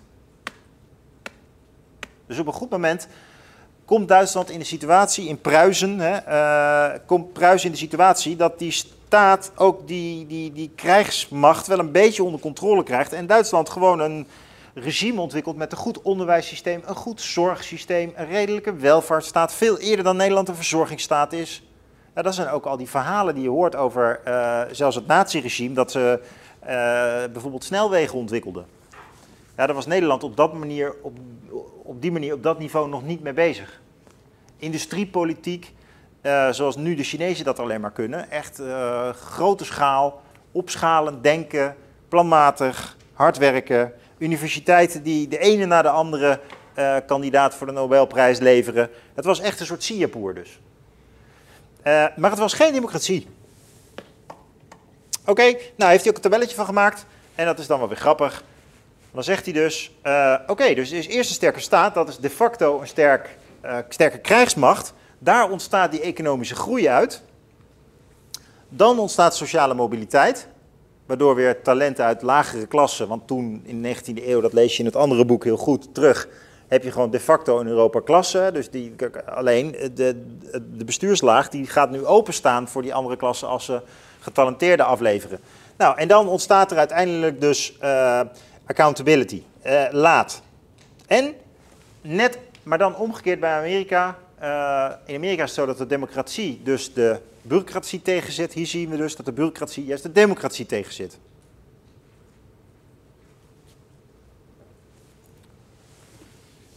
En ook hier kan je dus cultuur en ideeën weer inbrengen. Ja, bijvoorbeeld de militaire cultuur die uh, van Moltke-achtig is, die dus verschilt van de Franse. En dat is dan weer toch weer een extra ingrediënt waardoor dit schema zijn kracht heeft. Dus uh, zo'n schema is ook een abstrahering van zijn gedachtegang. Maar ik vind het ook wel weer knap, dat zie je vaak bij sociale wetenschappers, dat ze uh, een soort talent hebben voor schema's. Historici, heeft, historici hebben dat doorgaans minder, van me op. En hier zie je dus dat deze man, die zit een beetje op dat snijvlak van sociale wetenschappen, bestuurskunde, politicologie en uh, geschiedswetenschap. En dan krijg je dit soort leuke combinaties. Nogmaals, en ik denk dat een historicus hier vooral heel hard om moet grinniken en denkt, nou, ja, uh, dit is wat de grote greep is. En uh, Fukuyama. Oké. Uh, hoe zit het dan met Nederland en de ontwikkeling van de Nederlandse bureaucratie? Nou, ik heb al een beetje verraden dat het belangrijk is dat Nederland eh, zeg maar, twee, twee enorme uh, impulsen krijgt. Hey, ik heb mijn bril gevonden. Uh, twee belangrijke impulsen, namelijk Torbekke en Kuiper in de professionalisering van het drievoudige plaatje van de moderne staat. Maar in de opbouw daar naartoe even een paar dingen die je zelf hebt kunnen lezen. dit is Willem II. Willem II geeft op een goed moment de macht van zichzelf uh, op. En dat komt omdat er in 1848 uh, is er onrust in Europa en een revolutionaire sfeer. En uh, Willem is bang dat in Nederland ook revolutie uitbreekt en is dan is bereid om zich aan te passen. dat wil zeggen, toch meer macht te gaan geven aan de ministers, aan het, aan het, aan het volk uiteindelijk. Nou, dat is dus een belangrijke democratiseringsstap die dan concreet wordt gemaakt door Torbeck. Um, ja, daar is wel wat aan vooraf gegaan. Dus Nederland was een soort provinciegebied. Nogmaals in de 18e eeuw weggezakt in de vaart volkeren, niet meer meetellend, maar toch een provinciegebied. Dus dat wil zeggen decentraal, uh, veel gekonkel, uh, nog niet uh, modern in de zin van weten wie waar woont, nog niet elkaar schulden aflossen. Dat, dat gebeurt dan op initiatief van de Fransen alsnog. Dus de Fransen gaan eigenlijk zeggen, ja, uh, stroomlijn die organisatie, stroomlijn die, die financiering. Dus achternaam worden geïntroduceerd, uh, straatnaambordjes, maar ook gestroomlijnde financiering. Uh, dat is natuurlijk iets wat ook met pijn gepaard ging, want ja, de mensen in de Achterhoek hadden natuurlijk helemaal geen zin in die schuldenlast van de Hollanders. wat dat betreft is er niks nieuws onder de horizon, onder de zon. Dus die, die, dat is ook uh, iets met, met offers. Maar het is gewoon afgedwongen, want Nederland heeft een tijd lang onder zeg maar, de macht van de Fransen bestaan. Hè, maar ook een tijd, is ook een tijd ingelijfd geweest in Frankrijk en moest dat simpelweg doen. Nou, hier heb ik het nog netjes op een rijtje gezet. Uh, je kunt het ook in de tekst lezen. Ja, wat ik wel sappig vind in die geschiedenis is dan dat bijvoorbeeld uh, dienstplicht wordt dan ingevoerd, is dan in de Franse tijd al, begin van de 19e eeuw. En is dan dus voor iedereen en ook aan het eind van de 19e eeuw, maar in al die tijd is er nog een mogelijkheid om je uit te kopen of je eruit te lullen als je een goede kom af hebt. Dan zie je maar weer, dat is dus in een moderne rechtsstaatopvatting helemaal niet mogelijk, maar in deze uh, geschiedenis wel nog. Dus dat is, dat betreft, hè, de elite weet het weer goed voor zichzelf te regelen. Um, dit heb ik allemaal al genoemd. Het blijft wel, denk ik, belangrijk om je te realiseren dat Nederland dus ook in de codering, in de organisatie van, de, van arrondissementen, van, van wat de rechtspraak doet, heel, heel Frans is. En uh, dat dat eigenlijk de gift ook van de Fransen is geweest. En het gift ook misschien in de dubbele betekenis van het gif en het cadeau. We zijn uh, gecentraliseerd door ze en uh, iets is ons afgenomen, namelijk het decentrale karakter. Maar iets is ons ook gegeven, die centralisering. Nou, dat is wel mooi uitgewerkt in het boek. Nederland is maar mooi wel gemoderniseerd ten tijde van de kolonisatie.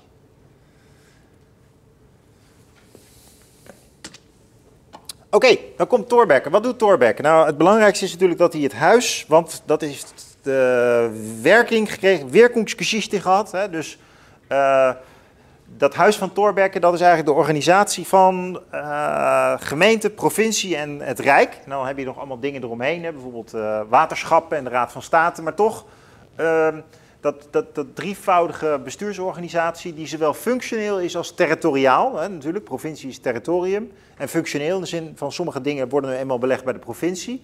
Dat is natuurlijk wat hij doet, maar niet het grootste. Het grootste is tenminste in mijn interpretatie, en dan leun ik, ik ook een beetje op Remig Aerts. Die heeft echt een fabelachtige biografie geschreven over Thorbecke.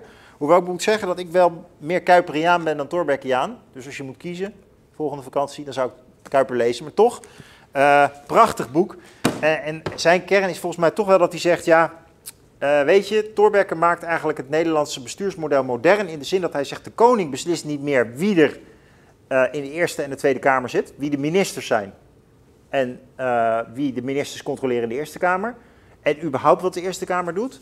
Nee, de koning die, ja, die is onschendbaar, maar is eigenlijk een andere manier van zeggen, de koning is niet meer zo relevant. Dus de ministers die komen voortaan los van de koning te staan. En de koning kan ook niet via benoeming in de Eerste Kamer bepalen wie er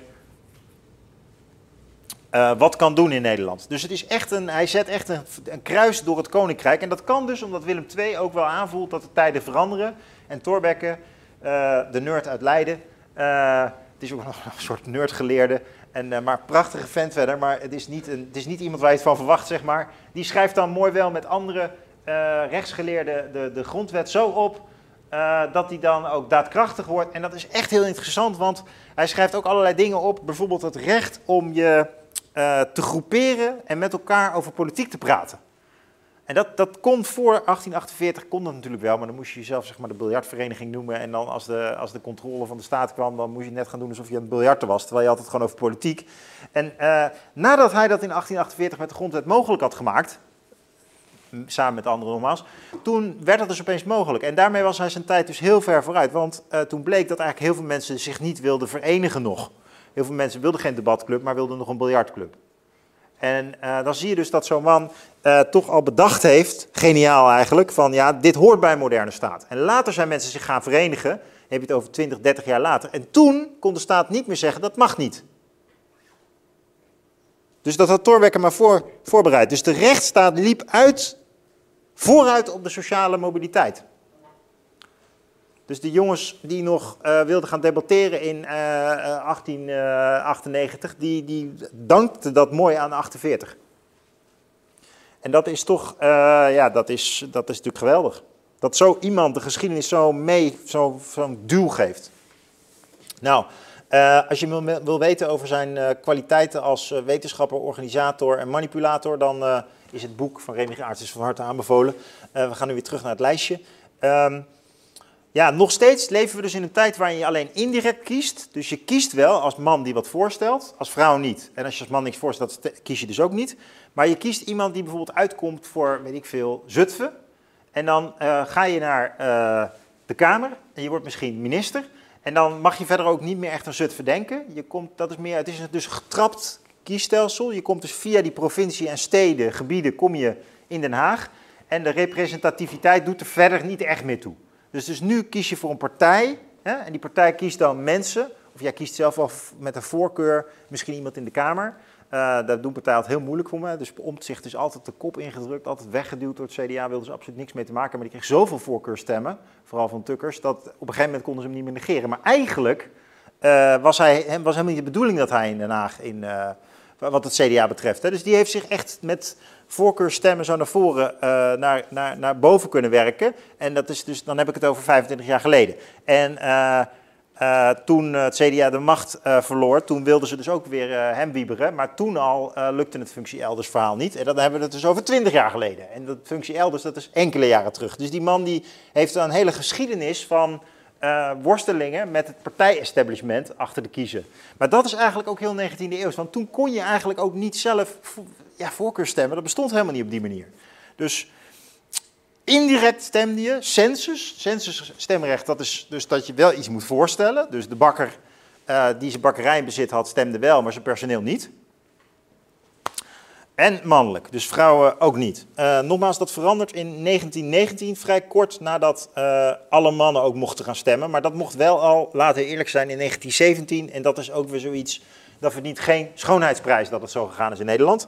De enige relativering is dat het eigenlijk uh, ook niet heel veel later is dan in andere landen.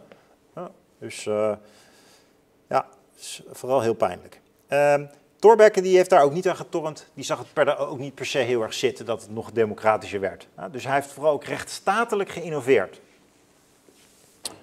Um, ook een sappige kant van die geschiedenis vond ik zelf om te lezen, is dat dus uh, het koloniale bestuur uh, in Nederland, dat dat niet echt onder het uh, parlement hing. Dus het koloniale bestuur, het begin van de 19e eeuw, was nog gewoon een soort van ZBO'tje.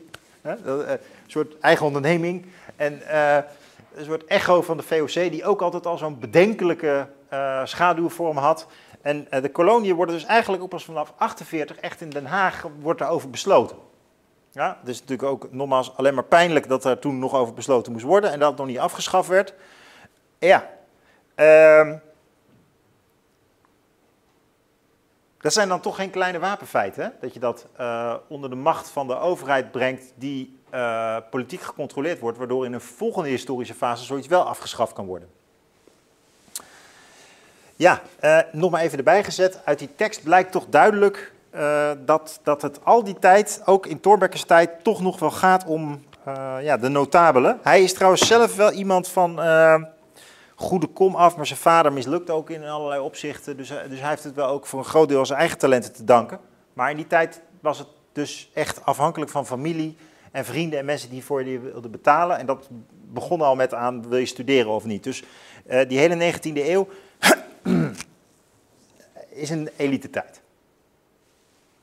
Dus kijk, nu hebben we het ook vaak over de elite, tenminste in bepaalde politieke kringen. En ik ben er zelf eerlijk gezegd ook niet vies van om soms elite kritiek te hebben. Maar dit, de perspectief is wel belangrijk. Hè? Hoe oriënteert een elite zich en hoe neemt een elite verantwoordelijkheid voor, uh, voor het volk?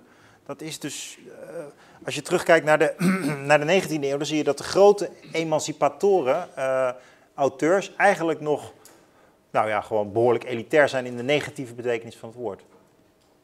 Dus die elitekritiek van tegenwoordig, ja, dat is ook maar, ja, daar moet je ook goed over nadenken. Verwacht je het niet, verwacht je voldoende, maar verwacht je misschien ook te veel van, uh, van mensen in topposities?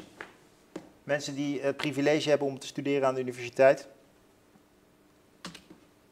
Oké, aan het eind van de 19e eeuw komt dan langzaam Kuiper in beeld via de sociale kwestie. Dat is een uh, thema dat belangrijk is voor ons, omdat je ziet dat die nachtwakkerstaat verandert in een verzorgingsstaat. En uh, daar kun je heel uitgebreid over lezen in het hoofdstuk. Maar een van de belangrijke assen die ik hier in deze uh, collegelijn wel uit wil halen, is dat van het nadenken over politie, leger en belasting innen, de verschuiving uiteindelijk wordt hoe kunnen we rechtsstatelijk professioneel georganiseerd zijn, wat betekent dat voor de rechtspraak, wie daarin zit enzovoort. En dan gaan we toch nadenken over ja, hoe organiseren we armenzorg in dit land en hoe kunnen we ervoor zorgen dat mensen naar school gaan. Uh, de sociale kwestie met andere woorden. Nou, het belangrijkste wapenfeit uh, uit die tijd uh, wordt wel de, het kinderwetje van Van Houten genoemd. Hè. Dat staat ook in de kanon van de Nederlandse geschiedenis. Dus dat is niet niks. Die wordt echt ieder jaar, zou ik bijna zeggen, gecensureerd op politieke correctheid. Dus als je dat overleeft, dan zegt dat wel wat. En dat is, is ook wel echt zo. Dus het kinderwetje van Houten is eigenlijk het verbod in Nederland op kinderarbeid, waardoor kinderen naar school kunnen. Kort gezegd kun je meer over lezen. Het heeft ook al een rare geschiedenis voor Kuiper, want die maakte zijn entree in de politiek met een uh, soort maiden speech. Die ken je tegenwoordig ook, want dan gaan mensen allemaal vertellen over hun persoonlijke preoccupaties, maar toen was het nog inhoudelijk. Maar hij had een tirade tegen het kinderwetje van Van Hout. dat is dus eigenlijk heel raar, uh, als je er zo op terugkijkt. Maar dat had ook een verhaal, want Kuiper en de christendemocraten, voor hem Groen van Prinsteren, Prinsteren die, die Groen van Prinsteren, die waren dus eigenlijk geïnteresseerd in een maatschappij gedragen door, uh, door, door kringen, door, door familieleven, door kerken. En dat betekende ook dat die kringen zelf maar armoedeproblemen moesten oplossen. Uh, terwijl veel meer de sociaaldemocraten, die zaten eigenlijk aan de, en de socialisten toen, die uh, langzaam opkomen, die zaten meer aan de politieke kant van nee, dat moet de staat oplossen. Maar de christendemocraten die zagen ook wel een soort van probleem, want de kerken, ja, zoals je dat misschien nu ook wel weet van kerken en ook van moskeeën, die draaien natuurlijk ook voor een hun maatschappelijke legitimiteit. Ontlenen ze natuurlijk, behalve aan uh, de verbinding met het heilige, ook wel daadwerkelijk met het zorgen voor mensen die uh, niet meekomen. Dus Kuiper zag daar ook wel een, uh, ja, een probleem in die kinderwet. Anyway, het wordt wel gezien in de bestuurs- en politieke geschiedenis als een behoorlijk grote horde die genomen is van nachtwakerstaat naar verzorgingsstaat. Dat dus de staat ook gaat zeggen, hoor eens kinderen, uh, die voed je zelf maar op, maar wel binnen bepaalde grenzen.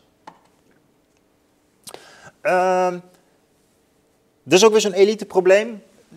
En dat blijft ook een discussiestuk. En nu heeft iedereen het ook weer over bestaanszekerheid. En uh, ja, de vraag is, ja, wat is nou precies maakbaar ook? Hè? En heeft het nou zin om uh, voor de armoede, ar, voor armen te gaan zorgen? Of heeft het zin om meer prikkels te geven zodat ze zelf gaan werken en zelf de broek kunnen ophouden? Het een soort eeuwig dilemma tussen de socialisten en de liberalen.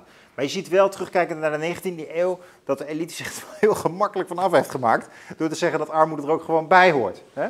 En uh, ja, dat is toch achteraf gezien wel behoorlijk gênant. En toch kun je je al heel goed voorstellen dat dat ook gebeurd is. Als je nu ook aan die discussie denkt. Uh, ja, de helft van het land stemt toch of heeft de vorige keer VVD gestemd. Dat is niet omdat ze denken dat uh, armen arm zijn omdat ze slachtoffer zijn, maar ook omdat ze denken dat ze een schop onder de kont nodig hebben. En zo dacht men toen ook al. Het verschil is wel dat toen ook echt harde armoede bestond, die uh, op die manier eigenlijk wel is uitgeroeid. En ehm, nou ja, Denk er maar eens over na voor jezelf. Oké, Kuiper. Nou, uh, ik zei het al, de wapenfeiten van Kuiper hier op de Vrije Universiteit. Uh, leuk om te vertellen. Hij is de oprichter van de eerste politieke partij in Nederland. En dat wil wel wat zeggen. Um, want in de 19e eeuw was de politiek dus zo georganiseerd dat notabelen het voor het zeggen hadden. En eigenlijk een soort van soort kliek waren in de wereld. en, en bijna als een soort ja, professionele politiek samenwerkte. En het politieke idee van een partij is juist dat je ook vanuit een ideologische horizon mensen verzamelt. En niet omdat je zeg maar uh, capabel bent, maar omdat je capabel bent en uh, je thuis voelt voor de achtergrond van een politiek ideaal. En die partijen, dat is heel raar, die, die komen in heel Europa op. Dus die horen ergens bij de parlementaire democratie. Uh, maar die, ja, die, die komen dus op, die, die, die horen niet bij de democratie. Ja? Dus in het oude Athene had je dat ook niet. Dus dat is wel een soort historisch uh, ja, interessant vraagstuk van heb je partijen nodig of niet.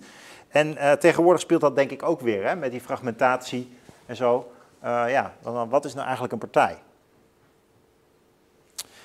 en, en heb je nou echt een partij nodig? Wat is de rol van een politieke partij? Nou, in ieder geval, voor hem was de rol het mobiliseren van mensen, vooral van christelijk protestanten en uh, voor een deel ook uh, Rooms-Katholieken.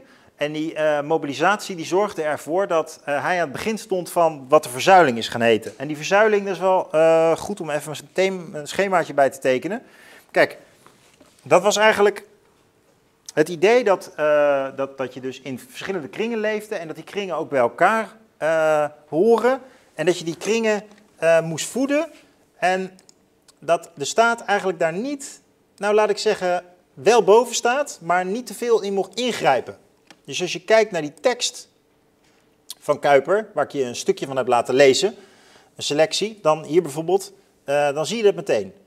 Ja, dus uh, al deze kringen, dus bijvoorbeeld uh, familie, kerk, scouting, krant, universiteit, nu grijpen met de tanden hun raderen in elkaar. En juist door dat op elkaar werken en in elkaar schuiven van deze kringen ontstaat het rijke, veelzijdige, veelvormige mensenleven.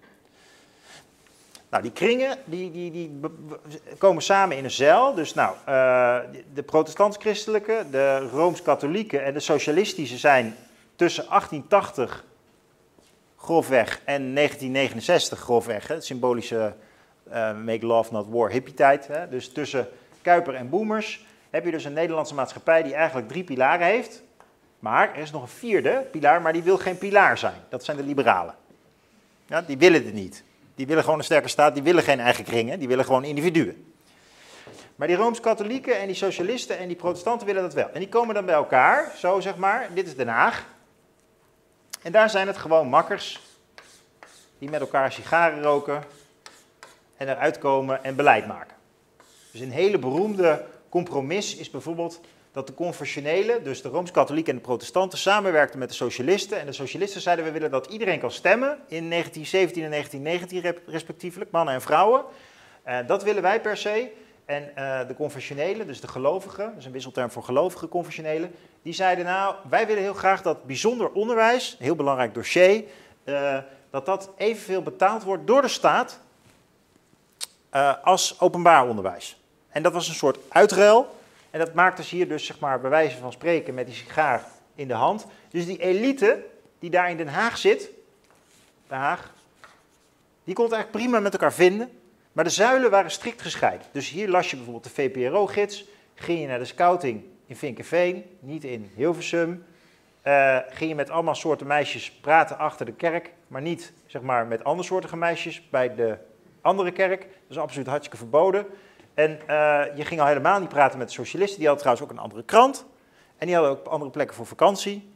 En uh, die waren ook allemaal helemaal niet uh, te spreken over Vinkenveen. En die hadden dus allemaal kleine, minuscule culturele onderscheidingjes.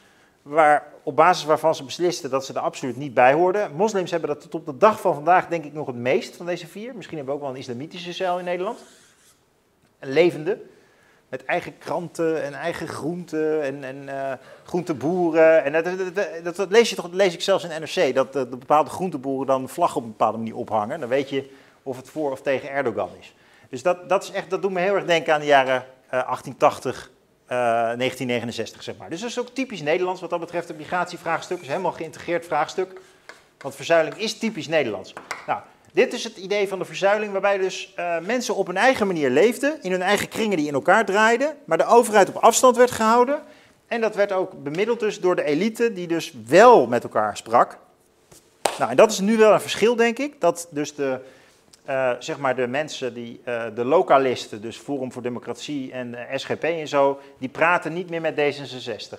Dus dat is gewoon, dit is gewoon allemaal verward, weet je wel? Jessili Geuts die zegt al van ik wil wel met de PVV, maar wil, uh, Rutte zei ik wil niet eens meer praten met de PVV-cel. Als je het zo zou zeggen. Dus dat is wel interessant terugdenkend, dat het dus een uh, gefragmenteerde wereld was. Dat is niet helemaal het goede woord.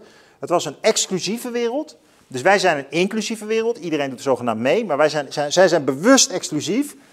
Bewust dus niet alleen maar trouwen in een bepaalde kerk. Bewust hè, twee geloven in, op één kussen, daar slaapt de duivel tussen. Dus je mocht zelfs niet eens met een katholiek. Dat is tegenwoordig ondenkbaar, zeg maar. Uh, hoezo? Uh, maar goed, dus dat was die verzuiling. Maar er was wel een zekere eenheid op het niveau van de bestuurselite.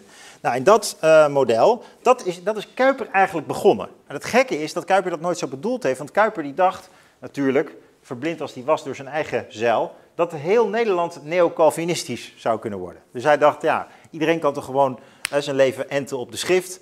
En dat is ook de taal die hij spreekt in dit, uh, deze tekst. En hij richt ook een universiteit op, niet zo van uh, de moderniteit tegenwicht bieden, maar echt de moderniteit overnemen. Dat zag hij helemaal zitten. Nou, dat is niet gebeurd.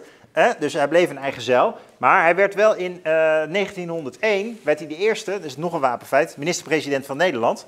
En toen hebben ze in Den Haag ook gezegd, voorlopig even geen nieuwe minister-presidenten. Toen is het weer een soort primus inter pares figuur geworden. En tot op de dag van vandaag is een minister-president in Nederland natuurlijk niet echt een president. Hè? Dus geen Macron of uh, uh, Biden of zo. Hè. Dus Nederland heeft ook een, een, een dat staat mooi beschreven in deze tekst, een soort klein, ja, een soort dunne opvatting van de eerste minister op algemene zaken als een soort van eerste ondergelijke.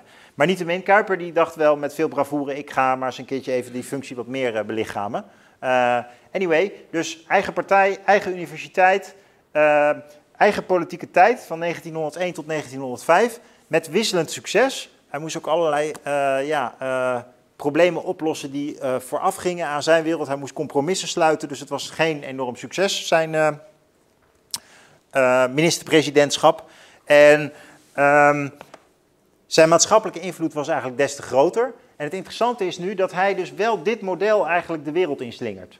Dit bestuursmodel. Het is vrij uniek Nederlands, het lijkt een beetje op de Zwitserse organisatie. Maar dit zal ook enorme invloed hebben op ja, hoe bestuur in Nederland georganiseerd is. Omdat die ideologische zuilen, die gaan dus dwars door kranten, tv-gidsen, tv-kanalen, radiokanalen, universiteiten heen.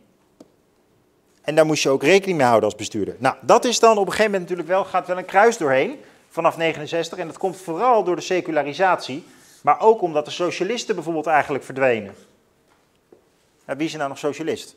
Ja, P van de A, oké, maar echt zeg maar, uh, dat is ook een soort uh, socialisme light.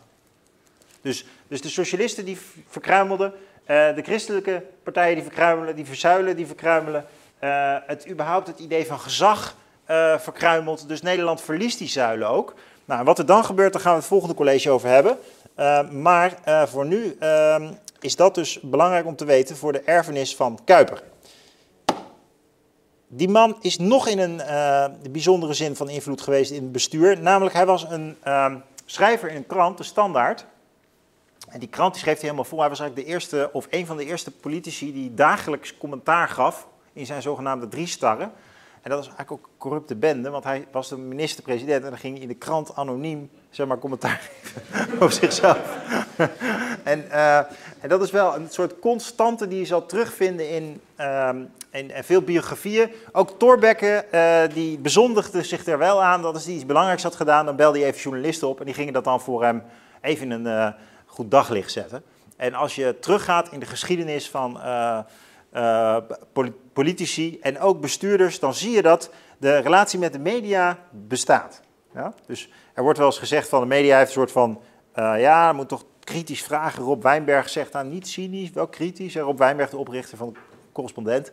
Uh, maar eigenlijk, zeker als je nou kijkt naar bijvoorbeeld het dossier van duurzaamheid of het dossier van corona, je ziet dat het echt heel dicht op elkaar zit. Dus uh, het is heel moeilijk om strak onderscheid. Het gaat vaak om vriendjes, om mensen met hetzelfde wereldbeeld.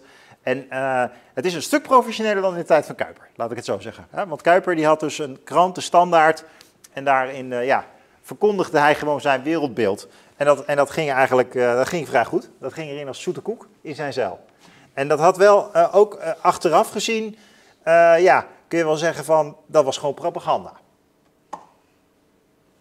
En propaganda is natuurlijk media, net als dat het in de wetenschap zo speelt. Als je media gebruikt en eigenlijk een machtsbelang verhult, ja, dan doe je aan propaganda. Als je wetenschap gebruikt en eigenlijk een machtsbelang belang verhult, dan doe je aan ideologie. Hè, of aan uh, wisselterm voor uh, propaganda die Kuiper, dat is wel een, uh, een, man van grote invloed geweest op één belangrijk punt, namelijk dat Thorbecke, die emancipeert dus eigenlijk, die maakt het mogelijk voor de Nederlandse staat om modern, emancipatoire en economisch succesvoller te worden. Dat maakt hij mogelijk. Hij, die rechtsstatelijke scripting van de, van, van, de, van de overheid eigenlijk. Dus hij is een rechtsstatelijk innovator, maar Kuiper is een sociaal innovator. Hij, hij, hij, roept mensen bij elkaar, hij brengt mensen in partijen, hij laat mensen de krant lezen. Hij is een, een charismatische figuur geweest om met uh, Weber te spreken. En sinds hem zijn ook al, allerlei zeg maar, uh, ingrediënten in politiek erbij gekomen. Dus bijvoorbeeld uh, het grote verhaal, de present, niet alleen maar de bureaucratie, maar ook ja, het, het, het geboeid mensen meeslepen met de politiek. Hij is in die zin ook wel een, een democratiserende kracht geweest. En natuurlijk ook vooral van de christenen. Dus hij is degene die het liberale tijdperk echt beëindigd heeft.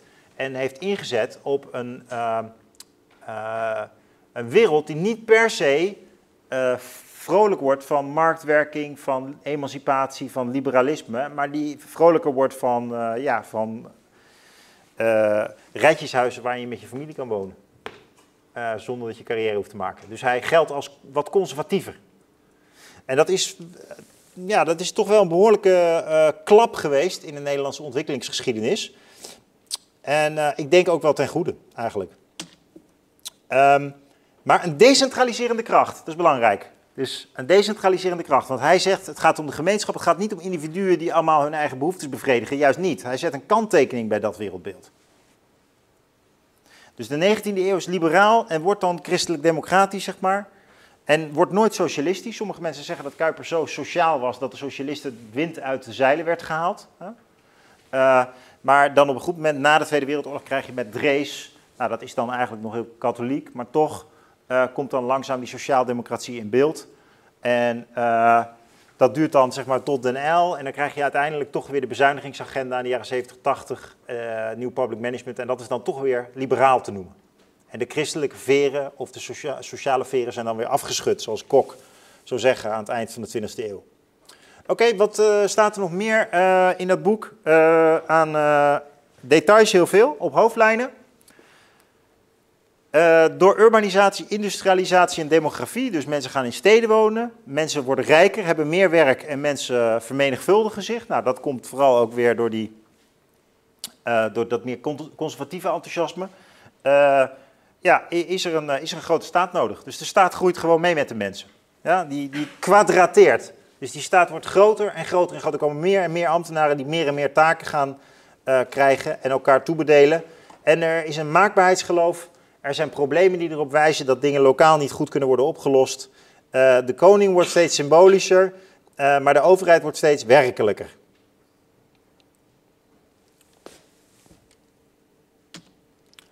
Nou, waar zitten we dan nu ongeveer? Uh, nou, we hebben een sterke uh, internationale bestuursschil. En dat is wel interessant, want dat is dus iets wat op gespannen voet staat met Fukuyama's schema. Want die bureaucratische schil, internationaal gesproken, die staat natuurlijk in Europa. Daar kun je niet voor kiezen. Die is niet onderhevig aan democratische controle, althans directe. Dat is allemaal getrapt, weet je wel. Nou, toevallig zat Frans Timmermans er, want anders hadden we ook waarschijnlijk helemaal niet veel geweten van die post van uh, duurzaamheid die hij had. En die nu in de handen is gevallen van Wopke Hoekstra, over elitenetwerken gesproken.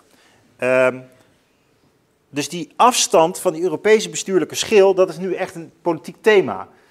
En dat is eigenlijk al een politiek thema dat speelt vanaf, nou ja, 48. Hè? Dus als de Europese gemeenschap voor kolen en staal wordt opgericht, voorganger van de Europese Unie, dan is dat eigenlijk een bestuurlijke innovatie van economieorganisatie. Dus een kolen en staal uh, zijn eigenlijk de ingrediënten voor oorlogsvoering.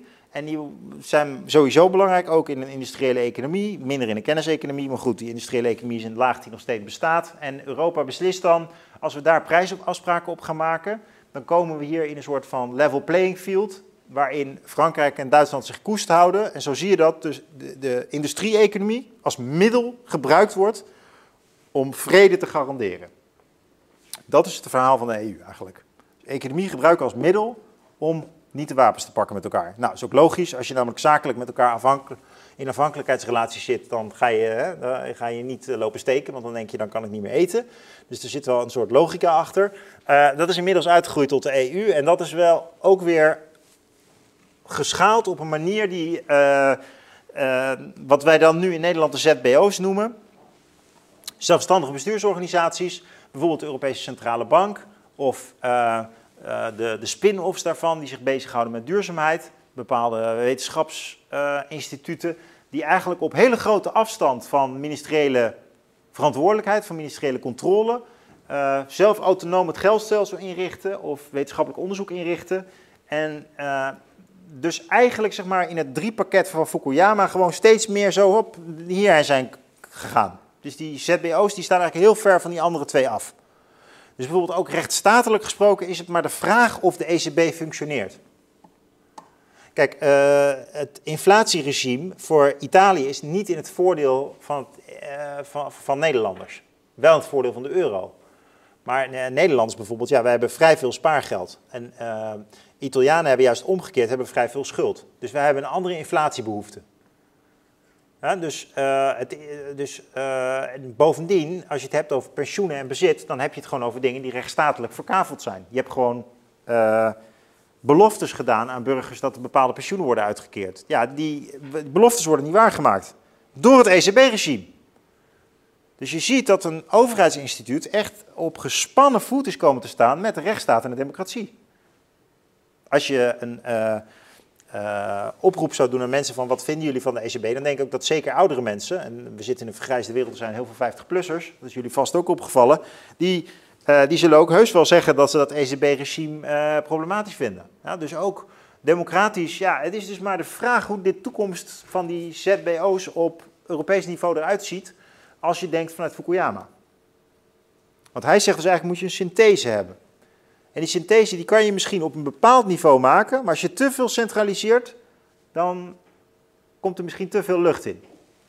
Er zijn politieke meningen over. Hè? dus misschien zeg je van, dit is Fukuyama-schema, ik zie het anders.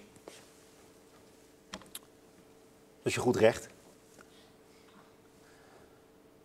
Um, ja, de overheid is van wieg tot graf gaan zorgen en heeft eigenlijk die taak van de kerken overgenomen, maar op een moeilijke manier. Dus uh, de kerken zaten vroeger natuurlijk met menselijke maat, zoals we dat tegenwoordig noemen, echt dichter op de huid van mensen. En uh, de overheden kunnen dat niet helemaal waarmaken, maar dat is toch wel de grand scheme of things. We hadden een overheid die uh, deed bepaalde dingen en we werken toen naar een ideaalbeeld van een overheid die eigenlijk, nou ja, als je geboren bent, meld je je zoontje of je dochter aan. Dan heb je een hele heisa, kan ik jullie als uh, vader van een uh, baby van alles over vertellen. Mensen die allemaal dingen komen ja, doen en controleren en checken en helpen. En, ik ken toevallig ook mensen die liggen in een echtscheiding. En dat verbaasde me weer hoe prachtig bureaucratisch Nederland is. Ik had daar een soort cynisch Netflix-beeld over. Nou, berg je maar jongen als je gaat scheiden. Je bent gewoon echt helemaal de sigaar. Ze pakken je van alle kanten. Je wordt gebeld, je moet allemaal dingen organiseren. Het is echt, het is echt reden om niet te scheiden gewoon. Dus er zijn echt, dit is echt tot en met therapie helemaal dichtgetimmerd. Kinderen zijn echt goed beschermd. De vaders zijn trouwens volgens mij, eh, maar goed, kan ook mijn eh, eenzijdige blik zijn door de anekdotes van de man in dit verhaal. Maar uh, de vaders lijken ook bepaald niet geprivilegeerd te zijn in deze verhoudingen. En de vrouwen nog een beetje bevooroordeeld. maar goed, dus ook weer een politieke discussie. Waarom ik het zeg? Attentie, attentie. Dit gebouw sluit over 15 minuten. tenzij u in het bezit bent van een geldige toegangspas. Ja. Dank u wel. Dus uh, van wieg tot graf. attention, please. This building will close in 15 minutes. You are kindly requested to leave the building unless you hold a valid access card. Thank you. Attentie, attentie. Dit gebouw sluit over 15 minuten. U wordt vriendelijk verzocht dit gebouw te verlaten, tenzij u in het bezit bent van een geldige toegangspas.